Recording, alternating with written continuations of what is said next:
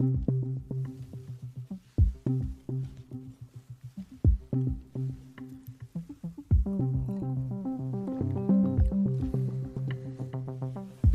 til en uafhængig morgen med Christoffer Lind.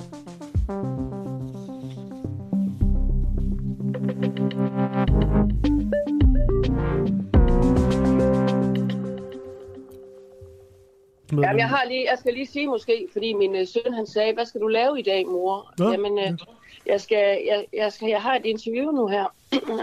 og så fortalte jeg det jo med jer, så sagde jeg, mor for helvede, de griller der. Det er jo sådan nogle, der griller folk. Ja, men det er godmorgen. Nå, klokken den er, den er blevet syv. Da jeg kørte forbi, øh, eller kørte en cykeltur i går med mine, øh, med mine to øh, knægte, så øh, kiggede jeg på alle de her, de her valgplakater. En af dem, det var Martin Gertsen fra, fra Venstre. Så stod der ingen ventelister. Altså ikke sådan øh, kortere ventelister eller noget, men altså ingen ventelister. Det er jo sådan et øh, vel-valg-slogan. Så er der også øh, Karl Valentin fra, øh, fra SF. Han vil have han har både lavet sådan nogle sygesikringsagtige øh, valgplakater, men også nogle bare med ham og så et slogan, og det er altså, at der skal være gratis psykologhjælp og gratis tandlæge. Og det er jo fint nok, men spørgsmålet er jo bare, om der er noget som helst hold i virkeligheden, om det der giver nogen som helst mening at sige sådan noget her i en valgkamp, hvis der ikke er nogen som helst chance for, at det rent faktisk bliver effektueret. Det kan jo også være det så i orden. Altså, er det fint at bare have de her store visioner? Men jeg sidder bare og tænker lidt, jeg kan vel også gå til valg på at sige øh, fred på jord. Eller alle får 10.000 kroner i det her land, hvis jeg bliver valgt ind. Et eller andet, som jo aldrig nogensinde kan, man aldrig kan finde pengene til, eller vil for den sags skyld. Men i det her tilfælde, altså gratis psykologhjælp, gratis tandlæge. Ja, det er Karl Valentin fra SF. Det tema vil vi gerne tage lidt op her i det næste stykke tid. Altså, er det ren og skær valgflæsker? Er det egentlig i orden, at man bare øh, valgflæsker af i så fald? I kan jo øh, skrive ind, hvis I støtter på nogle valgslogans, som virker sådan lidt for gode til at være Sanne, Skriv ind på 1245, du er mellemrum din besked. 1245, du er mellemrum din besked. Skal jeg lige sige, øh, Karl Valentin, her har vi prøvet et par gange nu at få fat i at stille op. Det vil han simpelthen ikke. Og det øh, siger jeg bare højt her i radioen, fordi det kan da undre lidt, at man har... Altså, hvis du, du stiller op til Folketinget, du har nogle, øh, noget, du går til valg på, og selv det vil du ikke, op i, vil du øh, ikke stille op i medierne for at tale om eller redegøre for. Så det med psykologhjælpen, den gratis psykologhjælp og tandlægehjælpen, det er altså ikke noget, vi kan tale med Karl Valentin om. Det kan du bare se på hans, øh, på hans plakat og gården. Og vi starter egentlig også i det tema. Her taler vi dog om et øh, helt parti, nemlig Enhedslisten. De vil nemlig halvere billetpriserne til bus og tog, og det her det skal gælde frem til øh, 1. januar 2020.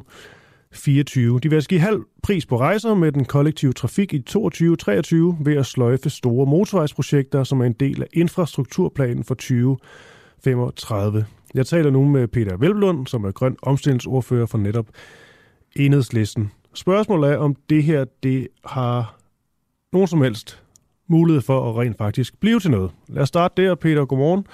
Godmorgen. Altså, er det her en, øh, en øh, en stor, fin vision, eller er der mere i det end som så? Altså, er det noget, I reelt set tror på kunne lade sig gøre?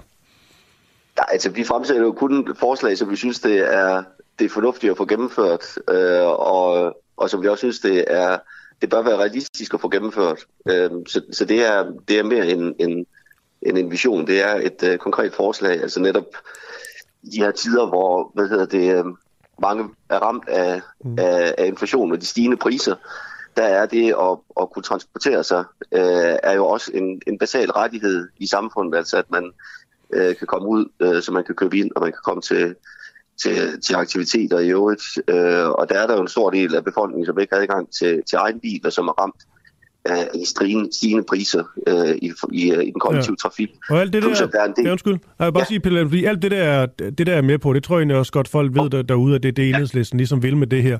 Men det er jo mere ja. det med, om det så også kan altså, lade sig gøre, fordi mm. altså, denne her, altså det med lige at skrotte sådan nogle motorvejsplaner til, til milliarder, jeg går ikke ud fra, mm. at det er en, øh, en nem øvelse. Og derudover, så vidt jeg har forstået, så er I ikke med i den der infrastrukturplan for 2035. Så er det, hvad er det, I ligesom reelt kan gøre for at forændre de her motorvejsplaner i aftalen? Jamen, altså det, det, er, det er nu forholdsvis nemt at gøre, fordi det er jo bare at udskyde øh, anlægget af den. Øh, det, det er jo bare et spørgsmål om at træffe en, øh, en politisk beslutning om det. Og der, altså den finansieringskilde, vi, vi anviser her, er jo ikke øh, anderledes end, øh, end alle mulige andre finansieringskilder. Altså det handler om, at man skal skaffe et, øh, et politisk flertal i forhold til det, og der er det jo klart, der er vores appel i det her tilfælde, at selvom der er partier, der er med i den her aftale, øh, så, så appellerer vi jo til, at, øh, at i den her situation, der bliver vi nødt til at, at tænke mere helhedsorienteret, fordi vi står i en aktuel krise, og at man derfor udskyder de øh, projekter, som, øh, som der ellers er projekteret. Har I nogen, øh, fået nogen sådan positiv tilsavn, lad os sige, fra det ved ikke, radikale SF, om at de er klar til at trække sig ud af den her aftale, og så gå med på jeres idé i stedet? For det er vel det, de skal gøre?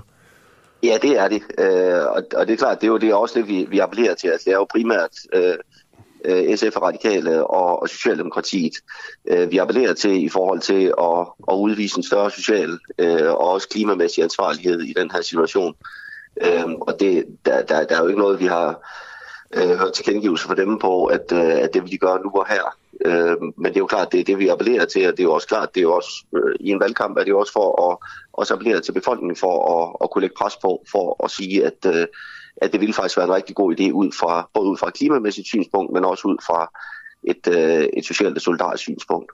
Okay, fordi øh, det jeg lavede ud med at spørge, det er jo også i forhold til det her med, øh, altså hvorvidt det her måske mere er en vision eller et statement eller noget sådan, øh, reelt og mere konkret. Og der så jeg en interview med øh, Maja Villadsen øh, øh, i øh, Avisen Danmark, hvor hun siger, at øh, ligesom du også gør, at det ikke er urealistisk ifølge hende. Men hun siger så også, at det her er lige så meget et opråb til de partier, som står midt i en klima- og energikrise, der har valgt at prioritere et nyt at bygge nyt øh, sort infrastruktur og motorvej. Og, øh, og den pointe, den er gået helt ud fra, at du deler. Men der ja. fik jeg også bare den tanke, at det måske trods alt er mere et statement, det her end noget, hvor I tænker, fordi du, som du også selv siger, det skal jo ret stærkt det her, hvis I skal i mål.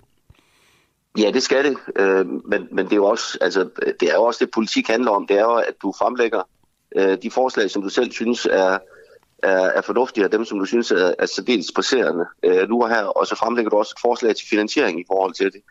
Øh, og, og der er det klart, det, det er jo det samme, øh, jeg tror, uanset hvilke forslag du ser fra enhedslisten, hvis du ser på vores, øh, altså vi har også fremlagt, øh, det var i god tid før valget, vi fremlagde vores sundhedsudspil, øh, som vi finansierer dels med beskatning af, af, af hvad hedder det, kapitalindkomst, altså det man tjener på, på, arbejde, på, på hvad hedder det, aktier og, og boliggevinster. Øh, det handler også om at, at tage nogle af de penge, øh, som der er blevet afsat i det nationale kompromis, øh, til, til fortsat oprustning. Øh, og så handler det om beskatning over normal profit. Og det, der er jo også nogle af de forslag, som det kan være svært at skaffe flertal for nu og her. Altså det er jo ikke noget, vi bare kan gå ud og sige, jamen det for flertal, det har vi i morgen, og så kan vi gennemføre det. Men det ændrer ikke på, at når vi fremlægger konkret politik, så er der jo politik i både, hvad er det, vi vil bruge pengene på, men også, øh, hvor er det, vi vil finde finansiering til det. Øh, og, og derfor så skal det jo selvfølgelig bare hænge sammen. Og så er der, er der jo nogle forslag, som, det er lettere at få overbevist andre partier om, at der skal gennemføres end, end andre. Men, men det er jo ligesom det, der er forudsætningen i politik, mm. det er, at man lægger sin politik frem, man siger, hvad er det, vi gerne vil bruge penge på, og hvor er det, vi gerne vil finde pengene. Mm. Øh, og, og så forhandler man jo konkret ud for det. Jeg har vel, som så mange andre, prøvet at tage øh, sådan toget hjem til, øh, til familien i juledagene. Jeg har også prøvet at skulle med tog eller bus, hvor der har været et eller andet stort sportsarrangement eller sådan noget. Og der også ender man ofte med at stå i en anden midtergang, fordi der er totalt overfyldt om for at vide, at DSB for eksempel ikke har, har flere tog. De har ikke mere at gøre råd med, og derfor må du stå sådan. Så sidder jeg og tænker her, hvis det her nu skulle ske, ikke? altså vi mm. har halv pris på rejser i, øh, i, i 22, slutningen 22, så hele 23.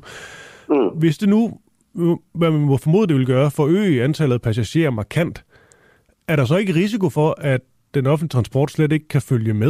Det er jo ikke, fordi I også indsætter flere eller køber, det er jo ikke, vel ikke nå, flere busser og tog og den slags. Nej, altså det, der ligger i forslaget, er jo også, at, at, øh, at, øh, det, man oplever lige nu ude i regionen, det er jo, at, øh, at der faktisk er en del øh, afgange, som bliver aflyst, altså fordi, at der har været stigende udgifter til, til, til brændstof, og at der også igennem den seneste periode, blandt andet på grund af corona, har været et, et fald i antallet af passagerer i, i den kollektive trafik. Øh, og der kan man sige, at det, det vi gør med det her forslag er også, at vi så opretholder de busruter, som man ikke oplever øh, ude i, i landdistrikter, at, øh, at den busrute, som man er afhængig af, den pludselig lukker, eller den ikke kører i weekenden længere, øh, Øh, men at regionerne kompenseres for de øh, udgifter. Og, og så er en del af det er jo også, at der har været et, øh, et fald i, øh, i passagerantallet, øh, i, øh, blandt andet på grund af corona, øh, som har gjort, at, at der også, vi har oplevet stigende takster. Øh, og det er jo derfor, at man kan sige, at i den nuværende situation, der er det helt rimeligt at sige, at, øh, at både ud fra et klimaperspektiv, men også ud fra et socialt hensyn, så halverer man priserne. Og det er jo det, man blandt andet har gjort i, i Spanien og Tyskland. Og det er da rigtigt. Altså nogle steder, så betyder det, at så kommer der øh, flere passagerer med, og det kan give nogle, nogle øh, kapacitetsudfordringer. Men, men det er jo sådan set bare positivt. Hvis vi kan få flere over i den kollektive trafik, så kan vi også begynde at investere mere i den og indsætte flere øh, tog og busser og noget af det, der er allermest nødvendigt for udbygget øh, infrastruktur. Ja, det er rigtigt, men det, kan, det er også bare reelt. Det kan også bare være, være træls for alle, hvis der, er, hvis der er lang kø, og man står tæt og hårdt arbejde for dem, der rent faktisk øh, arbejder for den offentlige trafik, trafik, kunne jeg forestille mig. Ja, det, altså det, det er jo klart, det kan, selvfølgelig kan det betyde nogle ulemper i, øh, i visse situationer, ligesom det gør øh, i dag, men, men det er jo trods alt ikke noget, vi tvinger folk til at gøre. Det her det er at give et bedre tilbud om, at, øh, at økonomien ikke skal være en barriere i forhold til, at man kan transportere sig. Og så er det klart, så er det jo ikke et forslag, der står alene, så skal der selvfølgelig også investeres yderligere i, i den kollektive trafik, også i forhold til udbygning af, og modernisering af jernbanenettet. Nej. Er du egentlig selv sådan en, der bruger meget offentlig transport? Ja, det gør jeg. Altså, I og med, at jeg bor i Nordjylland, og, og hvad hedder det, og, øhm, og arbejder på Christiansborg, så gør jeg, mm. men, men der er jo i den ekstremt privilegerede situation, ja, du skal ikke at, betale. at jeg har, tog, jeg, jeg har togkort, så jeg kan man sige, halvering for mig har ikke en stor betydning, men, uh, men der er vi jo privilegerede som folketingsmedlemmer. Ja, det kunne du være, jeg skulle overveje, og før jeg kører... Det kunne være, jeg skulle overveje det måske, lige til den op, og så, fordi det er jo ikke, fordi I ikke, ikke får gode i forvejen, politikerne. Det kunne være, at I skulle måske kotte den, og så skulle I selv betale for, for jeres offentlige uh, transport, jer politikere. Ja. Det kunne det være, at man skulle tage det op. Det, det kunne man også sagtens stå op. Altså nu øh, vil jeg sådan set hellere gå den anden vej og sige, at, øh, at vi ikke stopper med en halvering af, af prisen i det offentlige transport, men at vi netop gør den helt gratis. Øh, så jeg vil sådan set hellere have mindre brugerbetaling end, end mere, men, øh, men det, man kunne jo sagtens se på de privilegier, vi har i forhold til at have, have gratis transport frem og tilbage. Ja, ja. Fordi det er jo det er også lidt nemmere til offentlig transport, hvis det er gratis, for en kunne forestille mig. Præcis. Øhm, det, er, det er også derfor, vi har foreslået flere gange at gøre øh, den offentlige transport øh, gratis. Okay. Ja, ja. Ja. Jamen, det, er, det jo bare, hvor lækkert du kører offentlig, gratis offentlig transport. Ja, ikke også? Jo, jo. Jamen, det, det, det, det, synes jeg bestemt også, det er. Så det, det, derfor har vi faktisk foreslået det flere gange, at, øh, at man burde afskaffe brugerbetaling på, på offentlig transport. Øh, netop både ud fra et klimaperspektiv, men også ud fra, fra et socialt perspektiv. Ja, fordi jeg skal lige sige, lige den her ting, så er sådan noget som, som brobis og sådan noget, det er jeg ret sikker på også er gratis. Så på den måde er, er det ikke fordi, at, øh, at det er sådan et grønt øh, valg, I er, eller der er taget til, politi- så politikerne de kan køre gratis med offentlig. Eller, Nej, nu kører jeg ikke selv øh, i bil, men jeg tror faktisk ikke, jeg mener, at det er sådan, at hvis der er et, altså hvis du kan transportere dig med offentlig transport, så får du ikke betalt, øh, hvad hedder det, øh, i, øh, hvis, du, hvis du transporterer dig i bil. Altså jeg mener, det, det er kun, hvis du ikke har muligheden for at benytte dig af offentlig transport. Men det, er, det, er, det må du ikke eksaminere mig på, det er jeg ikke sikker på. Jeg mener bare, det er sådan reglerne er. Okay, her til sidst, er det noget, I går sådan markant til valg på, og hvis det her så ikke bliver, bliver ført igennem, så er det øh, en mindre katastrofe. Her sidder jeg bare og tænker på, på SF og deres, øh, var det 40% billigere offentlig transport i, øh, ja. i, i, i København. Det var sådan noget, som, øh, som virkelig var en boomerang, der, der ramte dem bagefter, fordi den endte med at stige. Mm, ja, Jamen, altså, jeg synes jo altid, det er en katastrofe, når den politik, vi foreslår, den ikke bliver gennemført. Men, øh, men det er klart, det her det er, det er jo et... Øh, et forslag, vi kommer med for at se, om vi ikke øh, i det mindste skal rokke med den forestilling om, at, øh, at vi i den nuværende klimakrise skal bygge flere øh, motorveje, øh, hvilket jeg synes er en helt absurd tanke, og at vi i stedet for burde at investere i den kollektive trafik. Men, men det er klart, det kræver, at vi kan få et flertal for det, og det er jo ikke noget, altså inden vi har gået ud øh, med forslaget, har vi jo ikke sagt, at det her, det har vi øh, et sikkert flertal for. Men, men det er klart, det er noget, vi fortsat vil, vil argumentere for politisk, øh, både før og efter et valg. Okay. Grøn omstillingsordfører for Enhedslisten, øh, Peter Velblom. Tak fordi du var med her til morgen. Velkommen. Hej. Hej. Og fra øh, Peter Velblund, så kan jeg lige sige øh, selvfølgelig ordentligt godmorgen til, til lytterne, der skriver ind. Mark, Liselotte, Jakob, Jane, Charlotte skriver, er det det tibetanske flag, du har over skuldrene, og hvorfor? Det, det er jo en rigtig nok. Der skal man høre programmet i, i går. Jeg vil sige, lige grunden til at har det på, det er egentlig ikke, fordi der er nogen sådan større geniale tanker bag. Det lå bare lige her, jeg synes det er meget fint at, at have på. Så skal det jo være, at der er nogen der, nogen, der kigger med. Vi er jo kommet på TikTok og øh, forsøger at lave nogle videoer med det tibetanske flag, fordi vi ser, prøver at finde ud af, hvor hurtigt vi kan blive smidt af TikTok af, af Kina, som jo, som jo ejer det. Indtil videre er vi stadigvæk på, i, øh, på den uafhængige. Men altså, man kan høre udsendelsen øh, fra i går, interviewet med Thomas Roden, så giver det lidt mere øh, mening alt sammen. Nu er det Stinus Lindgren, øh, jeg skal tale med, sundhedsordfører for De Radikale. For hvem er det, partierne de rent faktisk vil fyre, når sundhedssektoren skal afbyråkratiseres? Alle politikere virker til at være trætte af det her byråkrati, og køen er lang til at få lov til at udtrykke, at der skal være færre kolde hænder, så der kan komme flere varme hænder. Ingen partier har dog sagt noget om, hvor der skal spares, eller hvem der sådan helt konkret skal fyres.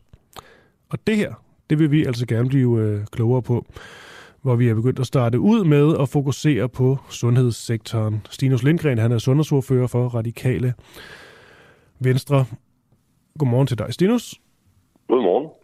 Det her øh, byråkrati i det offentlige, Synes du også, bare sådan helt kort, synes du også, at der er for meget af det? Øh, ja, helt kort, så ja. Ja, det var bare lige så, vi lige har det jo plads. Så skal vi jo finde yes. ud af, hvor meget der skal... Ja, selvfølgelig man skal gøre, men også hvor meget der skal, der skal spares. Altså man kan jo spare nogle penge på at få øh, skåret det her byråkrati ned. Det er, vel, det er vel ideen bag. Har I nogen sådan tal på det? Hvor meget skal, hvor meget skal spares? Det er lidt et forkert præmis i hvert fald i forhold til vores tilgang ja. øh, til det det vi har sagt i forhold til sundhedsområdet, som selvfølgelig er mit område her, mm. det er, at der er selvfølgelig behov for dokumentation i sundhedsvæsenet. Det giver sig selv i forhold til patientsikkerhed og alt muligt andet. Men der er nogle områder, hvor vi dokumenterer for meget, altså hvor administrationen er blevet for stor i forhold til, hvad kerneopgaven er. Og det betyder jo for eksempel, at øh, læger og sygeplejersker og andre sundhedspersoner bruger utrolig meget tid på at skrive i journaler, i stedet for at have patientkontakt. Det er noget af det, vi gerne vil kigge på. Er der noget, hvor vi simpelthen dokumenterer for meget, så vi kan frigøre noget tid. Det handler ikke om at fyre personer, det handler om at frigøre tid til, til patienterne. Så det er jo det, der er problemet lige nu, det er, at sundhedspersoner har så travlt med alt muligt andet, at de ikke har tid til, til at se patienter. Okay, så der er ikke nogen stillinger eksempelvis, der sådan... Det kan godt være, der er enkelte selvfølgelig, men, men det er ikke sådan mm. jeres plan, at det er sådan, der er sådan at konkrete stillinger, der skal, der skal nedlægges? Nej, det er faktisk ikke vores tilgang til det. Tværtimod har vi i vores øh, 2030-planer lagt frem, at vi vil investere over en overrække en 5 milliarder i sundhedsvæsenet til at hyre flere personer ind. Øh, fordi det er jo det, der er problemet lige nu. Det er, at der bliver løbet så hurtigt derude, at man ikke har tid til opgaverne. Det giver et dårligt arbejdsmiljø, øh, og det gør også, at folk bliver langtidssygemeldt, og det er sådan en ond spiral, der kører. Så det er ligesom to aspekter af det her. Det er, hvordan kan vi gøre øh, ens arbejdsdag bedre, frigøre tid til din kerneopgave, det du gerne vil, altså være sammen med patienterne, og hvordan kan vi så sikre flere kolleger, så det bliver endnu bedre, både for patienter og for ansatte øh, over årene. Ja, og det, øh, det er egentlig med på, Stinus øh, ja. Lindgren. Det giver også meget god mening, når du siger det, men, men der er alligevel den der, det, det, det, ja. der, det der men, fordi at... Øh, for det er også, når man hører Socialdemokratiet, hvor meget de vil skære, mm. konservative, der vil skære det helt op til 8,5 mm. milliarder mhm. administration, byråkrati i kommunene. Så når man sådan prøver at dykke ned i, hvad er det præcis, der mm. vil mhm. gøres, så bliver det yes. lidt, sådan, lidt luftigt, synes jeg. Okay, så vil jeg godt være lidt konkret, fordi tak. det er bare for at gøre det klart, at vi har ikke talt om at, at spare eller fyre folk. Det er ikke vores ja, tilgang til det. Yes. Okay, godt. Så øh, for eksempel behandlingsgarantien, som jo har været op og vende et par gange. Der har vi jo foreslået, i stedet for at man har den der utrolig firkantede tilgang til det, hvor alle sygdomme bliver behandlet på samme måde, øh, ligegyldigt hvad du fejler, så har du 30 dages ret til behandling. Det er en uhensigtsmæssig måde at bruge vores ressourcer på. Både personalers, øh, personalers tid, øh, sengepladser, øh, behandlingskapacitet osv. Det har alle fagfolk sagt, sagt i rigtig, rigtig lang tid, at den her meget firkantede tilgang gør, at man er nødt til bare, fordi det står i en formular, at behandle folk i en bestemt måde. Det opbygger lange ventelister og sætter folk ud i det private, og det gør, at vi ikke udnytter vores kapacitet optimalt. Så det er et sted, hvor vi kan sige, prøv i stedet for at have den der Christiansborg-logik, hvor vi tror, at vi bedre end sundhedsfaglige personer kan styre sundhedsvæsenet, så lad os give den, den faglige frihed tilbage øh, inden for nogle øh, bedre rammer, som lægeforeningen blandt andet har peget på. Så det er et eksempel. Mm. Hvor, et andet er... Ja, ja undskyld. Nej, bare kom med Ja, yes, øh, det er, at lidt i, i tråd med det her, vi har en øh, man, man finder også på nogle lidt poppet måde at sige det på i en, i en valgkamp. Det er klart, at øh, for at behandle folk lige, skal vi behandle dem forskelligt. Og det lyder jo smart. Men pointen er, at der er nogle patienter, der har brug for at blive holdt meget mere i hånden end andre patienter. Øh, for eksempel, jeg er far til fire børn. Alle fire gange bliver jeg jo indkaldt med min kone til det samme antal tjek, samme antal samtaler hos en, hos en jordmor. Øh, og det kunne jo godt være, at ressourcerne kunne bruges bedre. Jeg har prøvet det før, de ved, hvad det er for en familie. Der er måske nogen, der har brug for flere samtaler, nogen, der har brug for færre samtaler. Men vi har igen den her meget firkantede tilgang, hvor alle skal have tilbudt præcis det samme. Og det mener vi ikke er en god brug af, af tiden. Det betyder, at folk, lægerne, bruger meget mere tid på at sidde og krydse af i et schema, end på at bruge deres faglighed til at vurdere, om den patient, de sidder overfor, har brug for mere eller mindre hjælp, end en anden patient har. Så det simpelthen handler om at give noget mere frihed tilbage til den faglige øh, vurdering derude. Mm. Og hvad, øhm, hvad er det så? Altså, hvis vi nu siger, at, øh, at radikale får, øh, mm. får mere sådan øh, magt efter, ja. efter valget, og vi gider ikke sidde og tænke ja. i uh, bogstav lige nu. Men, Nej, øhm, men, men med den tanke øh, mente, hvad, altså, hvad er det så, der skal gøres fra dag, fra dag et? Fordi det er jo øh, mm. nogle fine visioner, det her og sådan noget, men mm-hmm. der skal jo, det er jo også bare et kæmpe apparat, der skal røres ved. Det er det. Altså, jeg er heller ikke øh, så naiv, at jeg vil sige, at det her det er noget, der bliver løst øh, på dag et. Ja. Det er klart. Altså, sundhedsvæsenet er om noget en kæmpe, kæmpe maskine. Og som jeg startede med at sige, så er der jo også en rigtig god grund til meget af det dokumentation og såkaldte byråkrati, der er derude, fordi det handler også om folks liv. Så selvfølgelig skal vi, øh, skal vi tjekke og, og øh, skrive ned, hvad der foregår derude. Det, det giver sig selv. Men altså sygehusområdet er jo generelt et af de mest gennemregulerede og gennemdokumenterede områder, vi har i samfundet. Og derfor er det oplagt, at der er et behov for at kigge det igennem. Altså administrationen er vokset voldsomt over årene. Det er blevet mere og mere kompliceret, vi dokumenterer mere og mere. Det kunne være klogt, både på den korte bane, øh, det vil jeg også stille spørge om, men er det klogt vil være at gå i gang med at kigge på behandlingsgarantien, for det kan vi gøre meget hurtigt, og det vil få en effekt meget hurtigt. Mens det store, det lange seje træk med at få kigget det hele igennem, det er klart, det er et arbejde, skal sættes i gang, men det er jo ikke noget, vi kan løse sådan over natten. Det, det giver sig selv. Mm. Det er det for, for vigtigt til og for, for kompliceret til. Okay. Tror du, man kan mærke forskel, hvis, øh, hvis øh, radikale øh, e-, eventuelt kommer i en, i en regering i forhold til, til det her store spørgsmål, når det kommer til afbyråkratisering? Jeg kan jo ikke sige det ord. Eller hvad man sige Afbyråkratisering, det. Jamen, det kan jeg jo kun svare ja til. altså, det var meget mærkeligt at sige andet. Jamen selvfølgelig, altså igen, jeg vil gerne have lidt mere frihed tilbage men det, til, men, til det men faglige det, det, det vil ja. alle sammen sige jo. Det er bare sådan, jeg synes, der er stadigvæk... Ja, det. Jeg, jeg synes, det er sådan Jeg tror ikke, du kan finde en politiker, der siger, det ikke vil give mening, hvis vedkommende for, Nej, for der får jeg bare brug for de der helt konkrete løsninger. ja. Jeg vil dog sige, at du kom lidt nærmere, ja. Stinus. Jamen tak. Altså, jeg prøver efter bedste evne. Nej, men altså, som sagt, noget af det, vi sætter i gang med det samme, det vil være øh, behandlingsgarantien, og så hvad der gør med den her kassetænkning, vi har generelt, hvor vi jo hele tiden siger, at alle skal have det samme, fordi det er ikke sådan, at alle får den samme behandling. Vi ved, at ressourcestærke personer, du og jeg, vi skal nok få det, vi har krav på, øh, og mere til. Hvis dem, der virkelig har brug for hjælp, de halter bagefter. Det ved vi.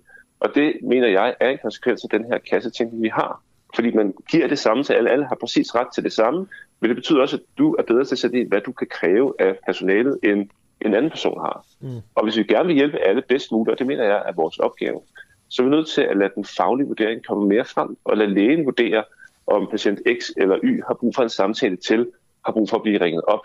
Øh, alle de her ting, som vi jo ikke kan gøre i dag. Okay. Sundhedsordfører for øh, Radikale, Stinus Lindgren. Fortsat god velkommen til dig. Mange tak. Tak.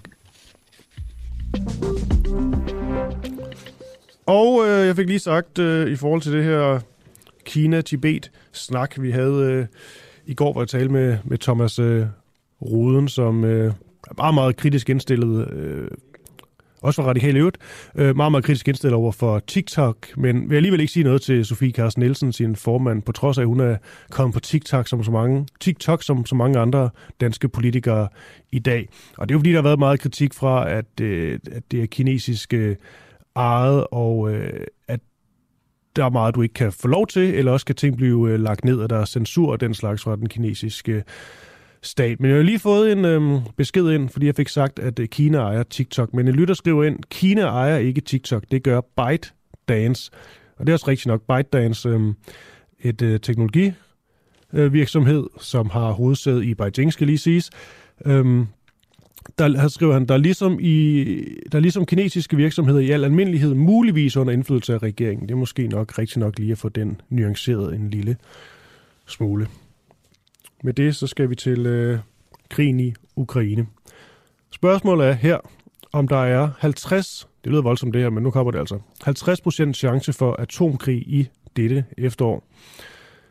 I den russiske avis KPRU, der siger en ekspert efter sine, at der er 50% chance for, at Rusland ender med at bruge atomvåben det her efterår.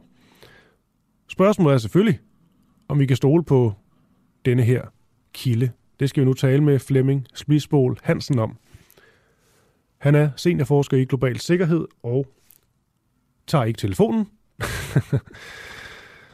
det er altid godt, når man er ved at lave sådan et oplæg, så kigger, kigger ud på sine øh, teknikere, der lige pludselig vifter vildt med armene. Nå, det er ellers, øhm, er slemt til at tale om. Lad os håbe, han er på lige om et øjeblik. Indtil da skal vi lige tage et nyhedsoverblik. Det er egentlig også overvejet. Anyway, jeg kan faktisk blandt andet sige, at øh, der tækker nogle t- nyheder ind fra, øh, fra netop Ukraine om øh, flere angreb. I hvert fald et enkelt større angreb øh, omkring Kiev. Det er lige nu øh, nogle nye meldinger. Det her det har jeg fra, øh, fra Ekstrabladet, der skriver, at øh, en guvernør melder om luftangreb i Kiev-regionen med de her såkaldte kamikaze-droner. Der skulle være redningsfolk øh, på stedet, efter at et område i Kiev-regionen er blevet ramt af et luftangreb. Det her det har vi altså fra, øh, fra den her region, den her ukrainske regions øh, guvernør på den her beskedtjeneste, der hedder Telegram.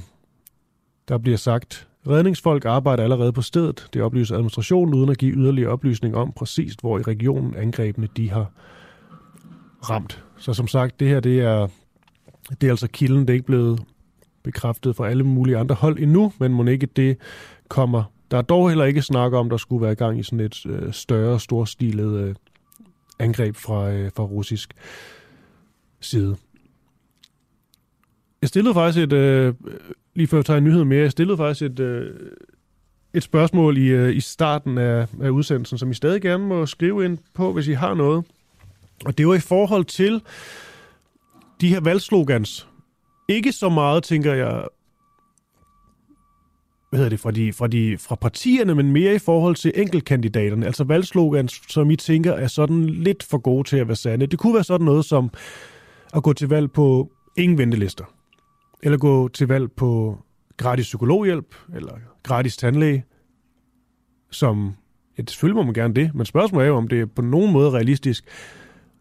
Og man kan selvfølgelig også skrive ind og spørge, om man synes, det skal være realistisk, eller om det er okay, at man bare giver den øh, fuld smadder. Men så vil jeg altså også gå til øh, valg på fred på jord, tænker jeg. I kan skrive ind på 1245 Dua, mellemrum din besked. Man kan også gå ind på Facebook, hvor vi livestreamer. Der er også billede på og alt muligt. Ikke at jeg ved, hvor spændende det er at sidde og se på mig, der ævler, men det er der altså. Og så er der i hvert fald et kommentarfelt, hvor man kan kommentere ris ros også. Nå. Verdens Naturfonden udtaler, at dyrearter og natur forsvinder om ørerne på os. Forskere har længe vidst, at vilde dyr er troet i hele verden. Nu viser en ny rapport fra WWF, Verdens Naturfonden, at udviklingen den fortsætter i et katastrofalt tempo ifølge dem. Natur og vilde dyr taber terræn med en hastighed, der ikke er set magen til i 10 millioner år. Bestanden af vilde dyr er faldet med 69 procent siden 1970. Nordkorea de hævder endnu en gang at have testet missiler.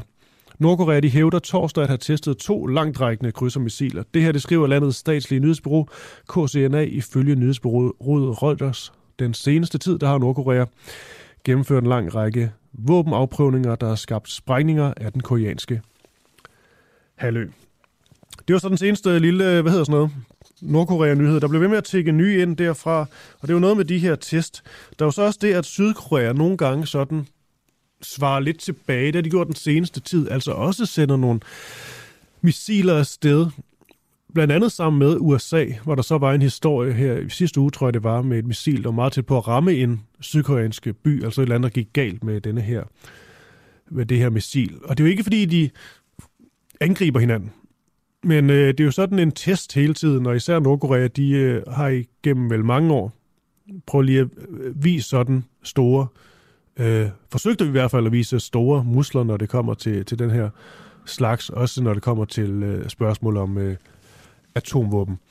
Men det er så sådan den seneste nyhed, jeg lige faldt over fra, øh, fra Nordkorea. Nu skal jeg tale med øh, Liselot Blikst. Efter Liselot øh, Blikst, så kan jeg sige, at øh, jeg skal tale med Claus Mathisen, som er lektor i russisk ved øh, Forsvarsakademiet. Jeg glæder mig til interview, for det skal handle om, at det lyder vanvittigt, men den person, der bliver kaldt for general dommedag. Det var egentlig også lidt det, vi skulle lægge op til sammen med Flemming øh, Splisbol, men øh, nu tager vi den bare med, med herr Mathisen, altså hvor vi skal tale om general dommedag. Måske manden, der stod bag det seneste ret storstilede øh, russiske angreb på, øh, på, Ukra- øh, på ukrainske byer, blandt andet Kiev.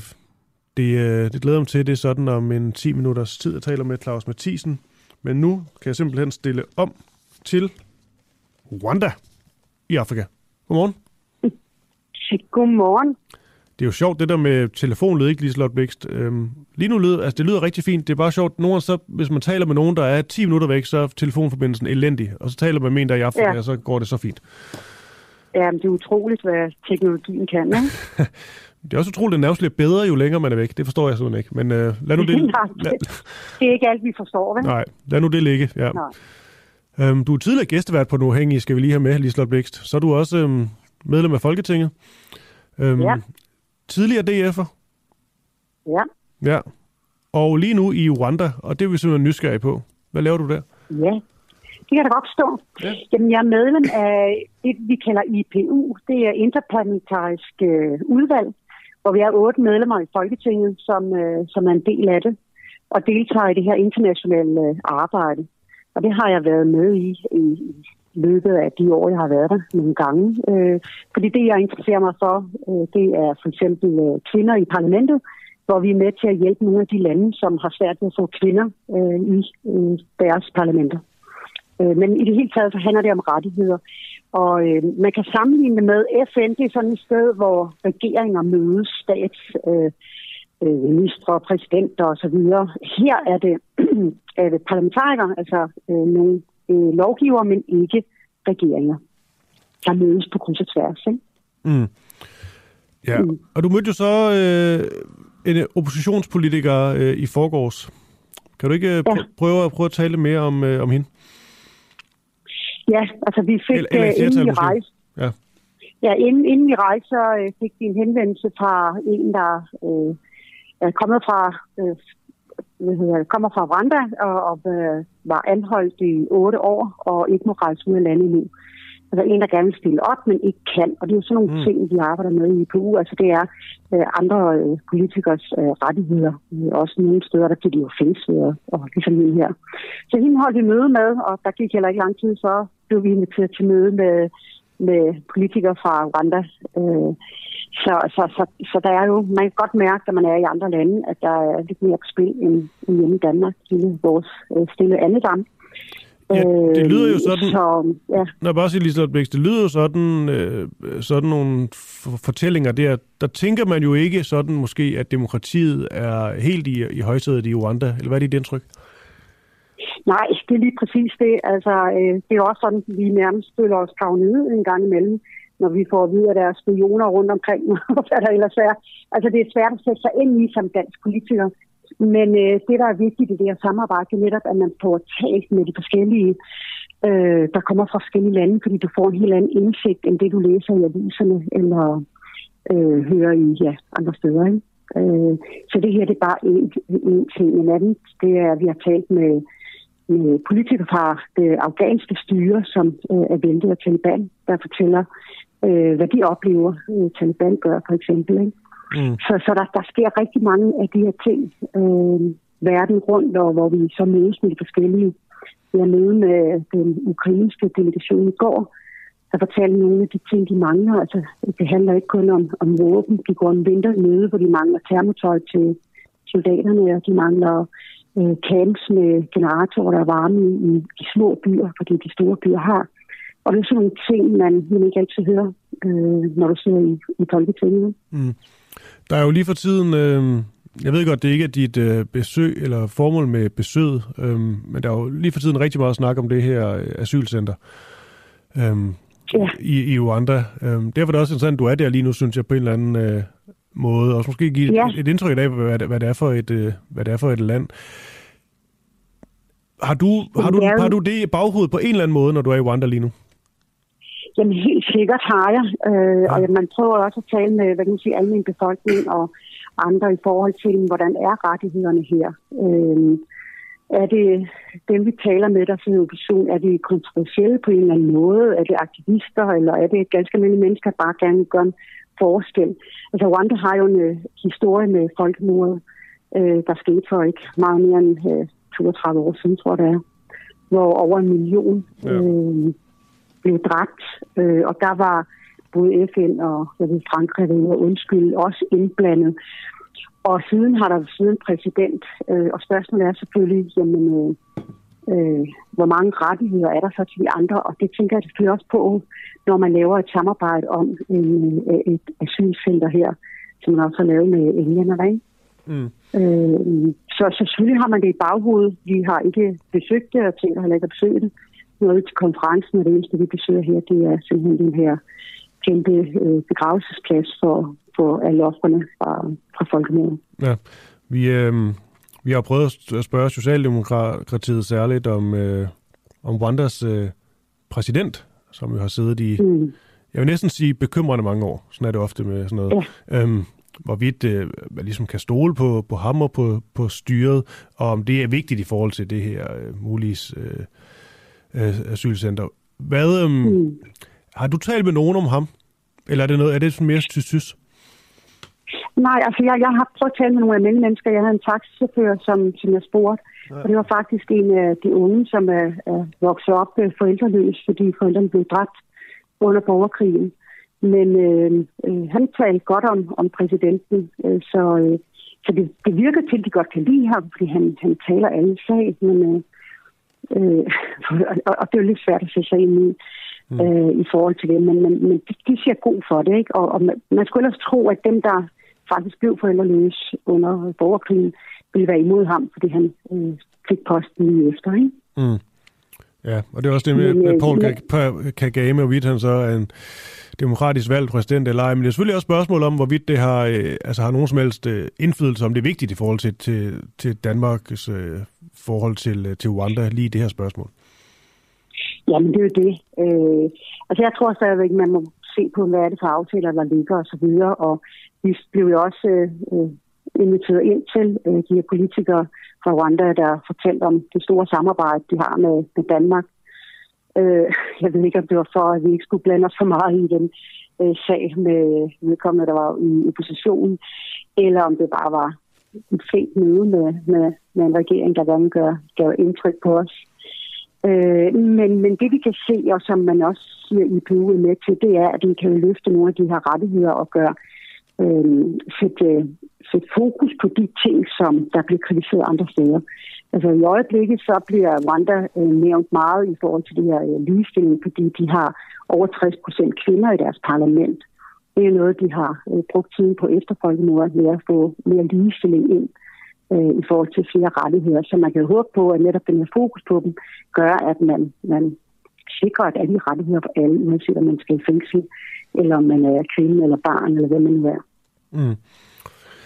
Altså det her, øh, her til sidst, Liselotte Bix, det her folke, folke, folkedrab i, i Rwanda, det er jo nok stadig det, som der er mange, der øh, øh, i 94, der er så mange, der sådan på en eller anden måde forbinder landet med. Altså det har bare sådan nogle associationer, Rwanda, med blod og vold og bestialske ja. øh, frygteligheder. Når du ligesom er i landet nu, Mm. er det, altså, kan man stadig mærke det? Er det et øh, dejligt, åbent land? Hvad, hvad, hvad er sådan dit indtryk, hvis du bare sådan nærmest tager den mere sådan øh, fra lige til fra en turistsynspunkt? Men, øh, ja. Øh, nu har jeg jo ikke været så meget ude. Vi ser jo hovedsageligt hotel og lufthavn, men øh, jeg var så heldig at komme en dag før jeg skulle, øh, på grund af et fly, der var aflyst, så jeg havde en dag, hvor jeg ligesom var ude. Men, men jeg synes også, man, man føler sig så lidt altså, mærkelig, når man kommer som, øh, som udlænding hertil. Øh, altså, der er sådan lidt... Der er, der er ikke den samme imødekommenhed, som du måske oplever i, i, i mange andre lande. Øh, og der er også regler på, at du stiller dig ikke op bare op og fotograferer, når du er på et marked øh, og sådan nogle ting. Altså, der er nogle, nogle ting, man sådan lige øh, tager forbehold for. Øh, og du, er ikke bare, du kommer ikke bare i tale med folk. Øh, så, så på den måde, så den, den jeg har talt med, det har været en taxichauffør, øh, som var guide øh, for mig på den ene dag. Ikke? Mm. Øh, men, men, men det er sådan lidt, man kan se, at der sker nogle ting, der er udvikling, der er ny teknologi, når der kommer ind, men så er der robotter, der kan, kan scanne dig. Øh, de har øh, fine veje nogle steder, men lige over på den anden side, så er der stadigvæk markvejen. Ikke? Jeg talte med dem om, at ny teknologi er øh, rigtig mange steder, øh, og de har heller ikke det af de lande, der har forbudt plastikposer fuldstændig, og vi gør rigtig meget for, for det trend øh, på klimadagsordenen, mens du stadigvæk ser kvinder gå og hakke med en, en, en hakke ude i, i marken for at, at tage afgrøder op. Så, så, så der er lidt af begge ting. Ikke? Ja. Altså, der, er en, der er en stor øh, øh, forskel på, hvor det er, du kigger hen. Okay, Lige et, øh, til sidst, Lise Lotbækst, et øh, helt andet spørgsmål. Mm. Du, øh, du stopper jo i, øh, i Folketinget. Det betyder, ja. det betyder jo også... Øh, er det noget du faktisk fortsætter i politik stadigvæk, sådan lidt i hvert fald? Greve Byråd? Ja, jeg fortsætter i Greve Byråd, og det er også derfor, jeg kan være her. Øh, der, vi er to medlemmer hernede. Det er Fatma og jeg, og det er fordi, vi ikke stiller op igen, og derfor har vi kunnet tage den her tur, som så bliver ja, det sidste arbejde, vi gør for, for Folketinget. Okay, det er sådan der. Jeg skal bare lige høre, Hvordan er det? Altså, øh, nu har I selvfølgelig arbejde at se til, så det tager vel jeres, øh, jeres tid og opmærksomhed, men alligevel, hvordan er det ligesom at altså, vide, at man ikke skal i valgkamp, eller ikke er i valgkamp, mens man så ser den bare bulre afsted her, herhjemme. Er det, er det trods alt sådan lidt underligt? Det er underligt, men det er super skønt, og vi priser os lykkeligt for, at vi ikke skal stå derude og, og sige en hel masse, som vi måske ikke engang selv tror på, en gang imellem øh, overbyde hinanden i, i noget politik. Øh, men man kan også krumtere en gang imellem, når man ser nogle debatter. Men mm. øh, vi er i hvert fald enige her, at vi er glade for, at vi ikke er med i det her ja. hvad blev det? kampshow. Og, hvad, blev, hvad blev det egentlig af Gæs og Gaser? Findes det stadigvæk? Jamen, jeg, der er kun to gæster tilbage, det er Marie Krav og jeg.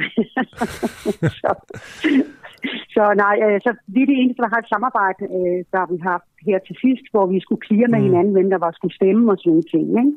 Men det er det eneste, vi har i samarbejdet tilbage. Det kunne jo være, vi, vi er begyndt at høre sådan nogle, øh, vi kalder vores egen politiske kan man sådan sige, øh, rapporter. Det er jo fordi TV2, de har Hans Engel, og sådan nogle faste, ja, ja.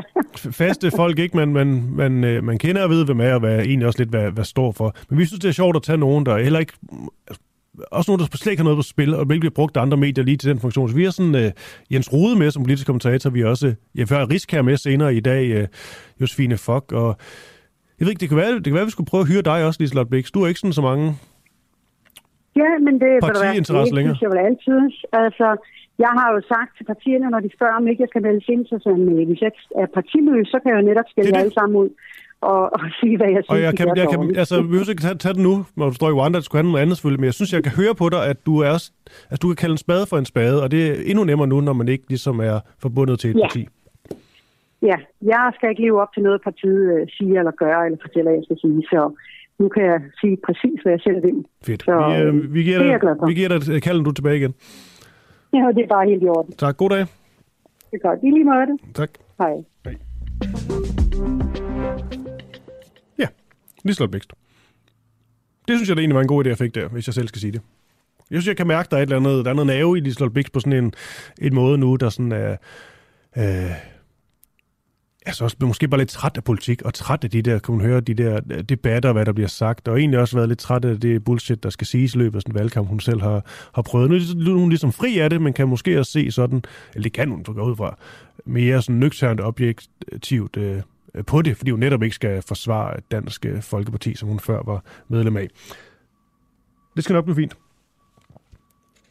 Nu skal det øhm, videre til noget, noget andet knap så mundtet, men før det, så tænker jeg lige at spille et lille spot for vores program, Boraki og Pengedoktoren. Der var en amerikansk præsident, der gang sagde, the outlook uh, for their businesses and the economy. Giv mig en enarmet økonom. Når man har en økonomi med høj inflation. For de fleste økonomer siger på den ene side og på den anden side. Energiregningerne, de er mange dobbelt. Det kan jeg ikke lide. Jeg kan ikke lide bullshit. Og jeg er jo uh, utrolig meget imod den overbiokratisering, der er sket af den offentlige sektor. Og jeg siger min mening.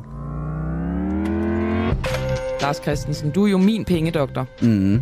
Hvordan har du det egentlig, Lars, når du kigger ind i mine øjne og kan se, at jeg ligner sådan et dårdyr, der kigger ind i forlygter?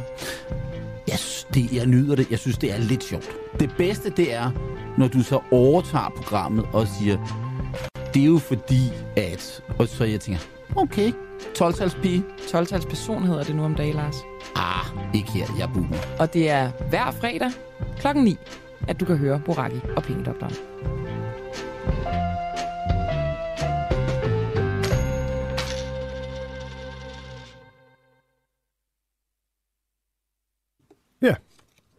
Det er jo bare at lytte til det program.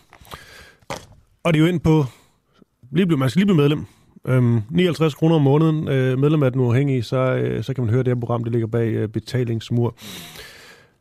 Og jeg hører, øh, hører fra folk derude i landet, at det, øh, det er skide godt. Så øh, det er i hvert fald øh, en af grundene. Der er også stadigvæk øh, masser af programmer, man kan finde frem til. Der kommer også nye af det program, vi har, der hedder Spionchefens øh, Hemmelighed. Så simpelthen bare ind og... Jo, så har vi også Spørgetinget, et nyt program. Christian Henriksen, vores politiske redaktør, han har, han har lavet, hvor han taler med andre journalister. Egentlig sådan lidt proces, og det at være journalist, men også i forhold til, hvordan man får øh, politikerne i tale, hvordan man ja, netop i talesætter, hvis de bullshitter for meget. I det seneste afsnit, der havde han blandt andet øh, Adina Ren med. Adina Ren vært på, øh, tidligere vært på, på Detektor. Hun skal over på øh, Pit Debat, mener jeg da, og altså lige nomineret, blevet nomineret til Pri Audio, den store branchefest, til to kritiske interviews ud af de tre nominerede, så øh, hun måtte vide noget om den slags. Nå, Claus Mathisen, godmorgen. Godmorgen, godmorgen. Lektor i russisk ved Forsvarsakademiet. Vi skal tale om en mand, som bliver kaldt for general Dommedag. Og ja. ja, der er jo snak om, at han måske skal, eller måske, eller i gang med at samle den russiske her, og ligesom skal lede det her slag mod Ukraine. Der er også snak om, at det var ham, der måske var hjernen bag det her ret så storstilede øh, angreb på blandt andet Kiev for nylig. Vil du ikke lige prøve at sætte dine egne ord på, hvem denne her mand er? Jo, altså man kan sige, at han har en fuldkommen klassisk karriere for en højtstående russisk officer, altså oppe i generalsklassen. Han er uddannet som infanteriofficer sidst i 80'erne. Han har videreuddannet sig, så han kunne blive bataljonschef og regimentschef og divisionschef, og så har han også gået på generalstabsakademiet. Så på den måde er det ganske almindeligt. Men når man så går ned og ser på hans karriere, så er det interessant, at han har været både i Afghanistan-krigen, han har været i anden Tjetjenien-krig, han var med under augustkuppet i Moskva. Han har været chef for operationsafdelingen i generalstaben, og han har også været chef, hvis vi tager som det seneste. Før Ukraine var han chef to gange for de, syr, eller undskyld, de russiske styrker i Syrien. Og han hedder altså øh, Sergej Surovikin, tror jeg det er. Yes, Surovikin, ja, hvis ja. man skal. Ja, ja det må man meget gerne. Den, den, den, den tager vi, ja. ja.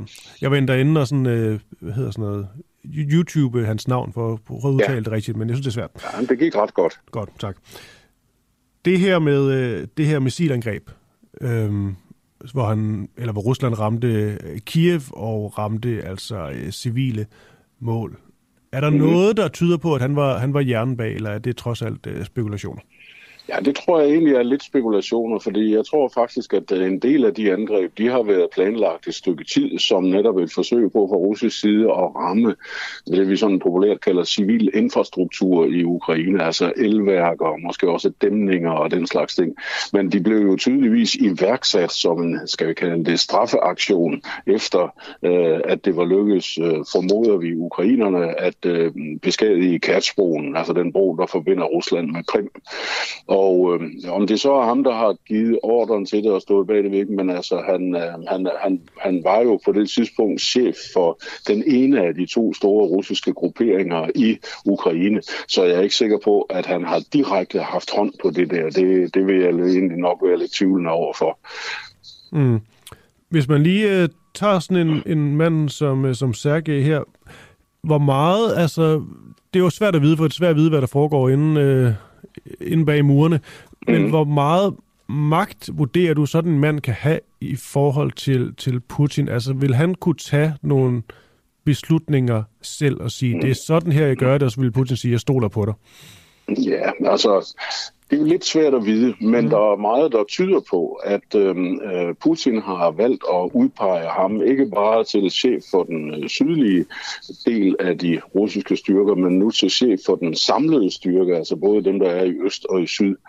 Øh, og det har han formentlig gjort, fordi han efter angrebet på Kasbroen gerne vil tilfredsstille dem, vi kalder hardlinerne eller høgene, øh, dem, der ønsker mere krig i Moskva. Der er jo sådan nogle skikkelser og figurer som øh, Putins kok, Prigozhin, Kadirov nede fra Tjetjenien, som har talt meget ivrigt for, at øh, nu skal den have en ordentlig en på goddagen i den her krigsførelse.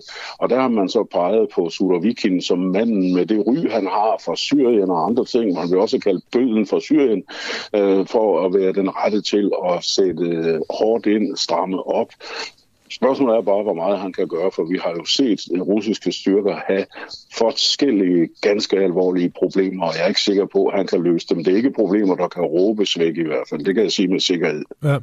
Det her med, at han så har fået det her, bliver tituleret øh, general, dommedag. Man hører jo ofte om nogle af de her hårde fyre, som også skal agere hårde fyre ud af til, at de får sådan nogle øgenavn, som måske også øh, kan hjælpe dem, fordi så tænker man, hold da op, general dommedag, det lyder ikke rart. Jamen, det er helt sikkert, altså jeg vil sige, man er ikke rigtig russisk general, hvis ikke man har sådan et eller andet tilnavn, der mm. peger på, at man er en djævelskal. Ja. Men er han så også det?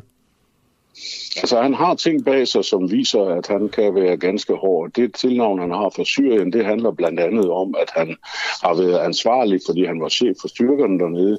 Øh, de angreb, der har været på syriske markeder og syriske skoler og den slags ting, og som altså i virkeligheden lidt i lighed med det, vi har set tidligere i Ukraine, handler om at nedbryde civilbefolkningens moral, så de på et eller andet tidspunkt siger til deres politiske ledelse, nu kan vi ikke mere, nu kan vi ikke klare mere, nu må vi få den her krig øh, ligesom afsluttet, og så må det blive på de vilkår, der nu engang er. Mm. Jeg vil også gerne lige ind på, øh, Clausen Thiesen, den her kritik, der har været af det russiske øh, forsvar, sådan i Rusland også. Det er jo ikke en, altså går ud fra en kæmpe stor kritik, der fylder alt i, i medierne, men man ser jo trods alt også rigtige videoer fra de her ret vilde tv-debatter, øh, diskussioner, de har om krigen på russisk stats-tv at der rent faktisk bliver gået sådan mere og mere kritisk til, øh, til indsatsen i, øh, i Ukraine. Ja. Er det noget, som, øh, som Surovikin her, han skal, han skal gøre noget sådan ja, det, konkret vil? Altså, fordi du har, altså, jeg synes bare, det er interessant, hvad han sådan ligesom kan, kan gøre, fordi at de skal vel også have lov til at, at tale i de her programmer. Det virker sådan i hvert fald. Ja, det er rigtigt, og der er den dominerende stemme i de programmer, jeg ser lidt af en gang imellem, at der skal andre og meget hårdere boller på suppen. Det skal, der, skal, der tales meget om nukleare våben, mm. der tales om alt muligt, der skal, der skal til for at få, få, få skal vi sige, krammet på de her forbistrede ukrainere. Øhm, og jeg vil klart sige, at netop da den kritik for alvor blussede op for øh, en halv måned siden, en gang medio september, øh, så er udpegningen af øh, Sudovikin som samlet chef for hele styrken, det er fuldkommen i tråd med det. Altså, at det er en måde at tilfredsstille dem, der ønsker en hårdere linje, mere krig i første omgang. Om det så er Putins egen linje, eller det er noget, han gør for ligesom at tilfredsstille dem, der vil have hårdere krig, det er straks meget sværere at sige. Mm. Claus Thyssen, lige her til sidst, det, det er en lidt anden, lidt anden ting. Det er bare fordi, jeg, jeg, mm. jeg stusser over, nu har vi også nogle, øh, nogle lyttere, som gerne vil have, at vi gør tingene lidt anderledes, også fordi vi hedder den mm. uafhængige osv. Jeg bare stusser over, når vi ligesom har dig eller Splitsbol, eller hvem nu kan være med, mm. øhm, så er der jo altid nogle kritiske røster, som ligesom skriver, her er det en, der hedder Martin, der skriver, er det ikke interessant, at næsten alle vores eksperter, der udtaler sig om Rusland, er sølet ind i forsvaret og dermed politik jeg kan mærke, der er sådan, øh, hos nogen lidt en kritik af jer, der ligesom er meget i, øh, i medierne. Jeg ved ikke, øh, er der noget interessant i det, synes du? Øhm, altså det, det er jo sådan set et spørgsmål, jeg primært skal rette til jer, for det er jo jer, der ligesom vælger, hvem I vil bede om at sige noget. Det er rigtigt, ja, ja. Øh, og jeg, jeg er da også sikker på, at I har haft fat i andre end Flemming, som i øvrigt ikke har direkte med forsvaret at gøre. Han har med udenrigstjenesten at gøre. Øh, jeg selv har, er ansat i forsvaret, som civil, jeg er ikke militærmand. Men I har jo også brugt andre med anden profil og andre syn på øh, krigen i ja. Ukraine og Ruslands forhold til Ukraine, end det vi måske står for eller fortæller om, når vi bliver spurgt om det. Så øh, men det, kan, men kan, altså, du tale, kan du tale frit, øh, frit Claus Mathisen?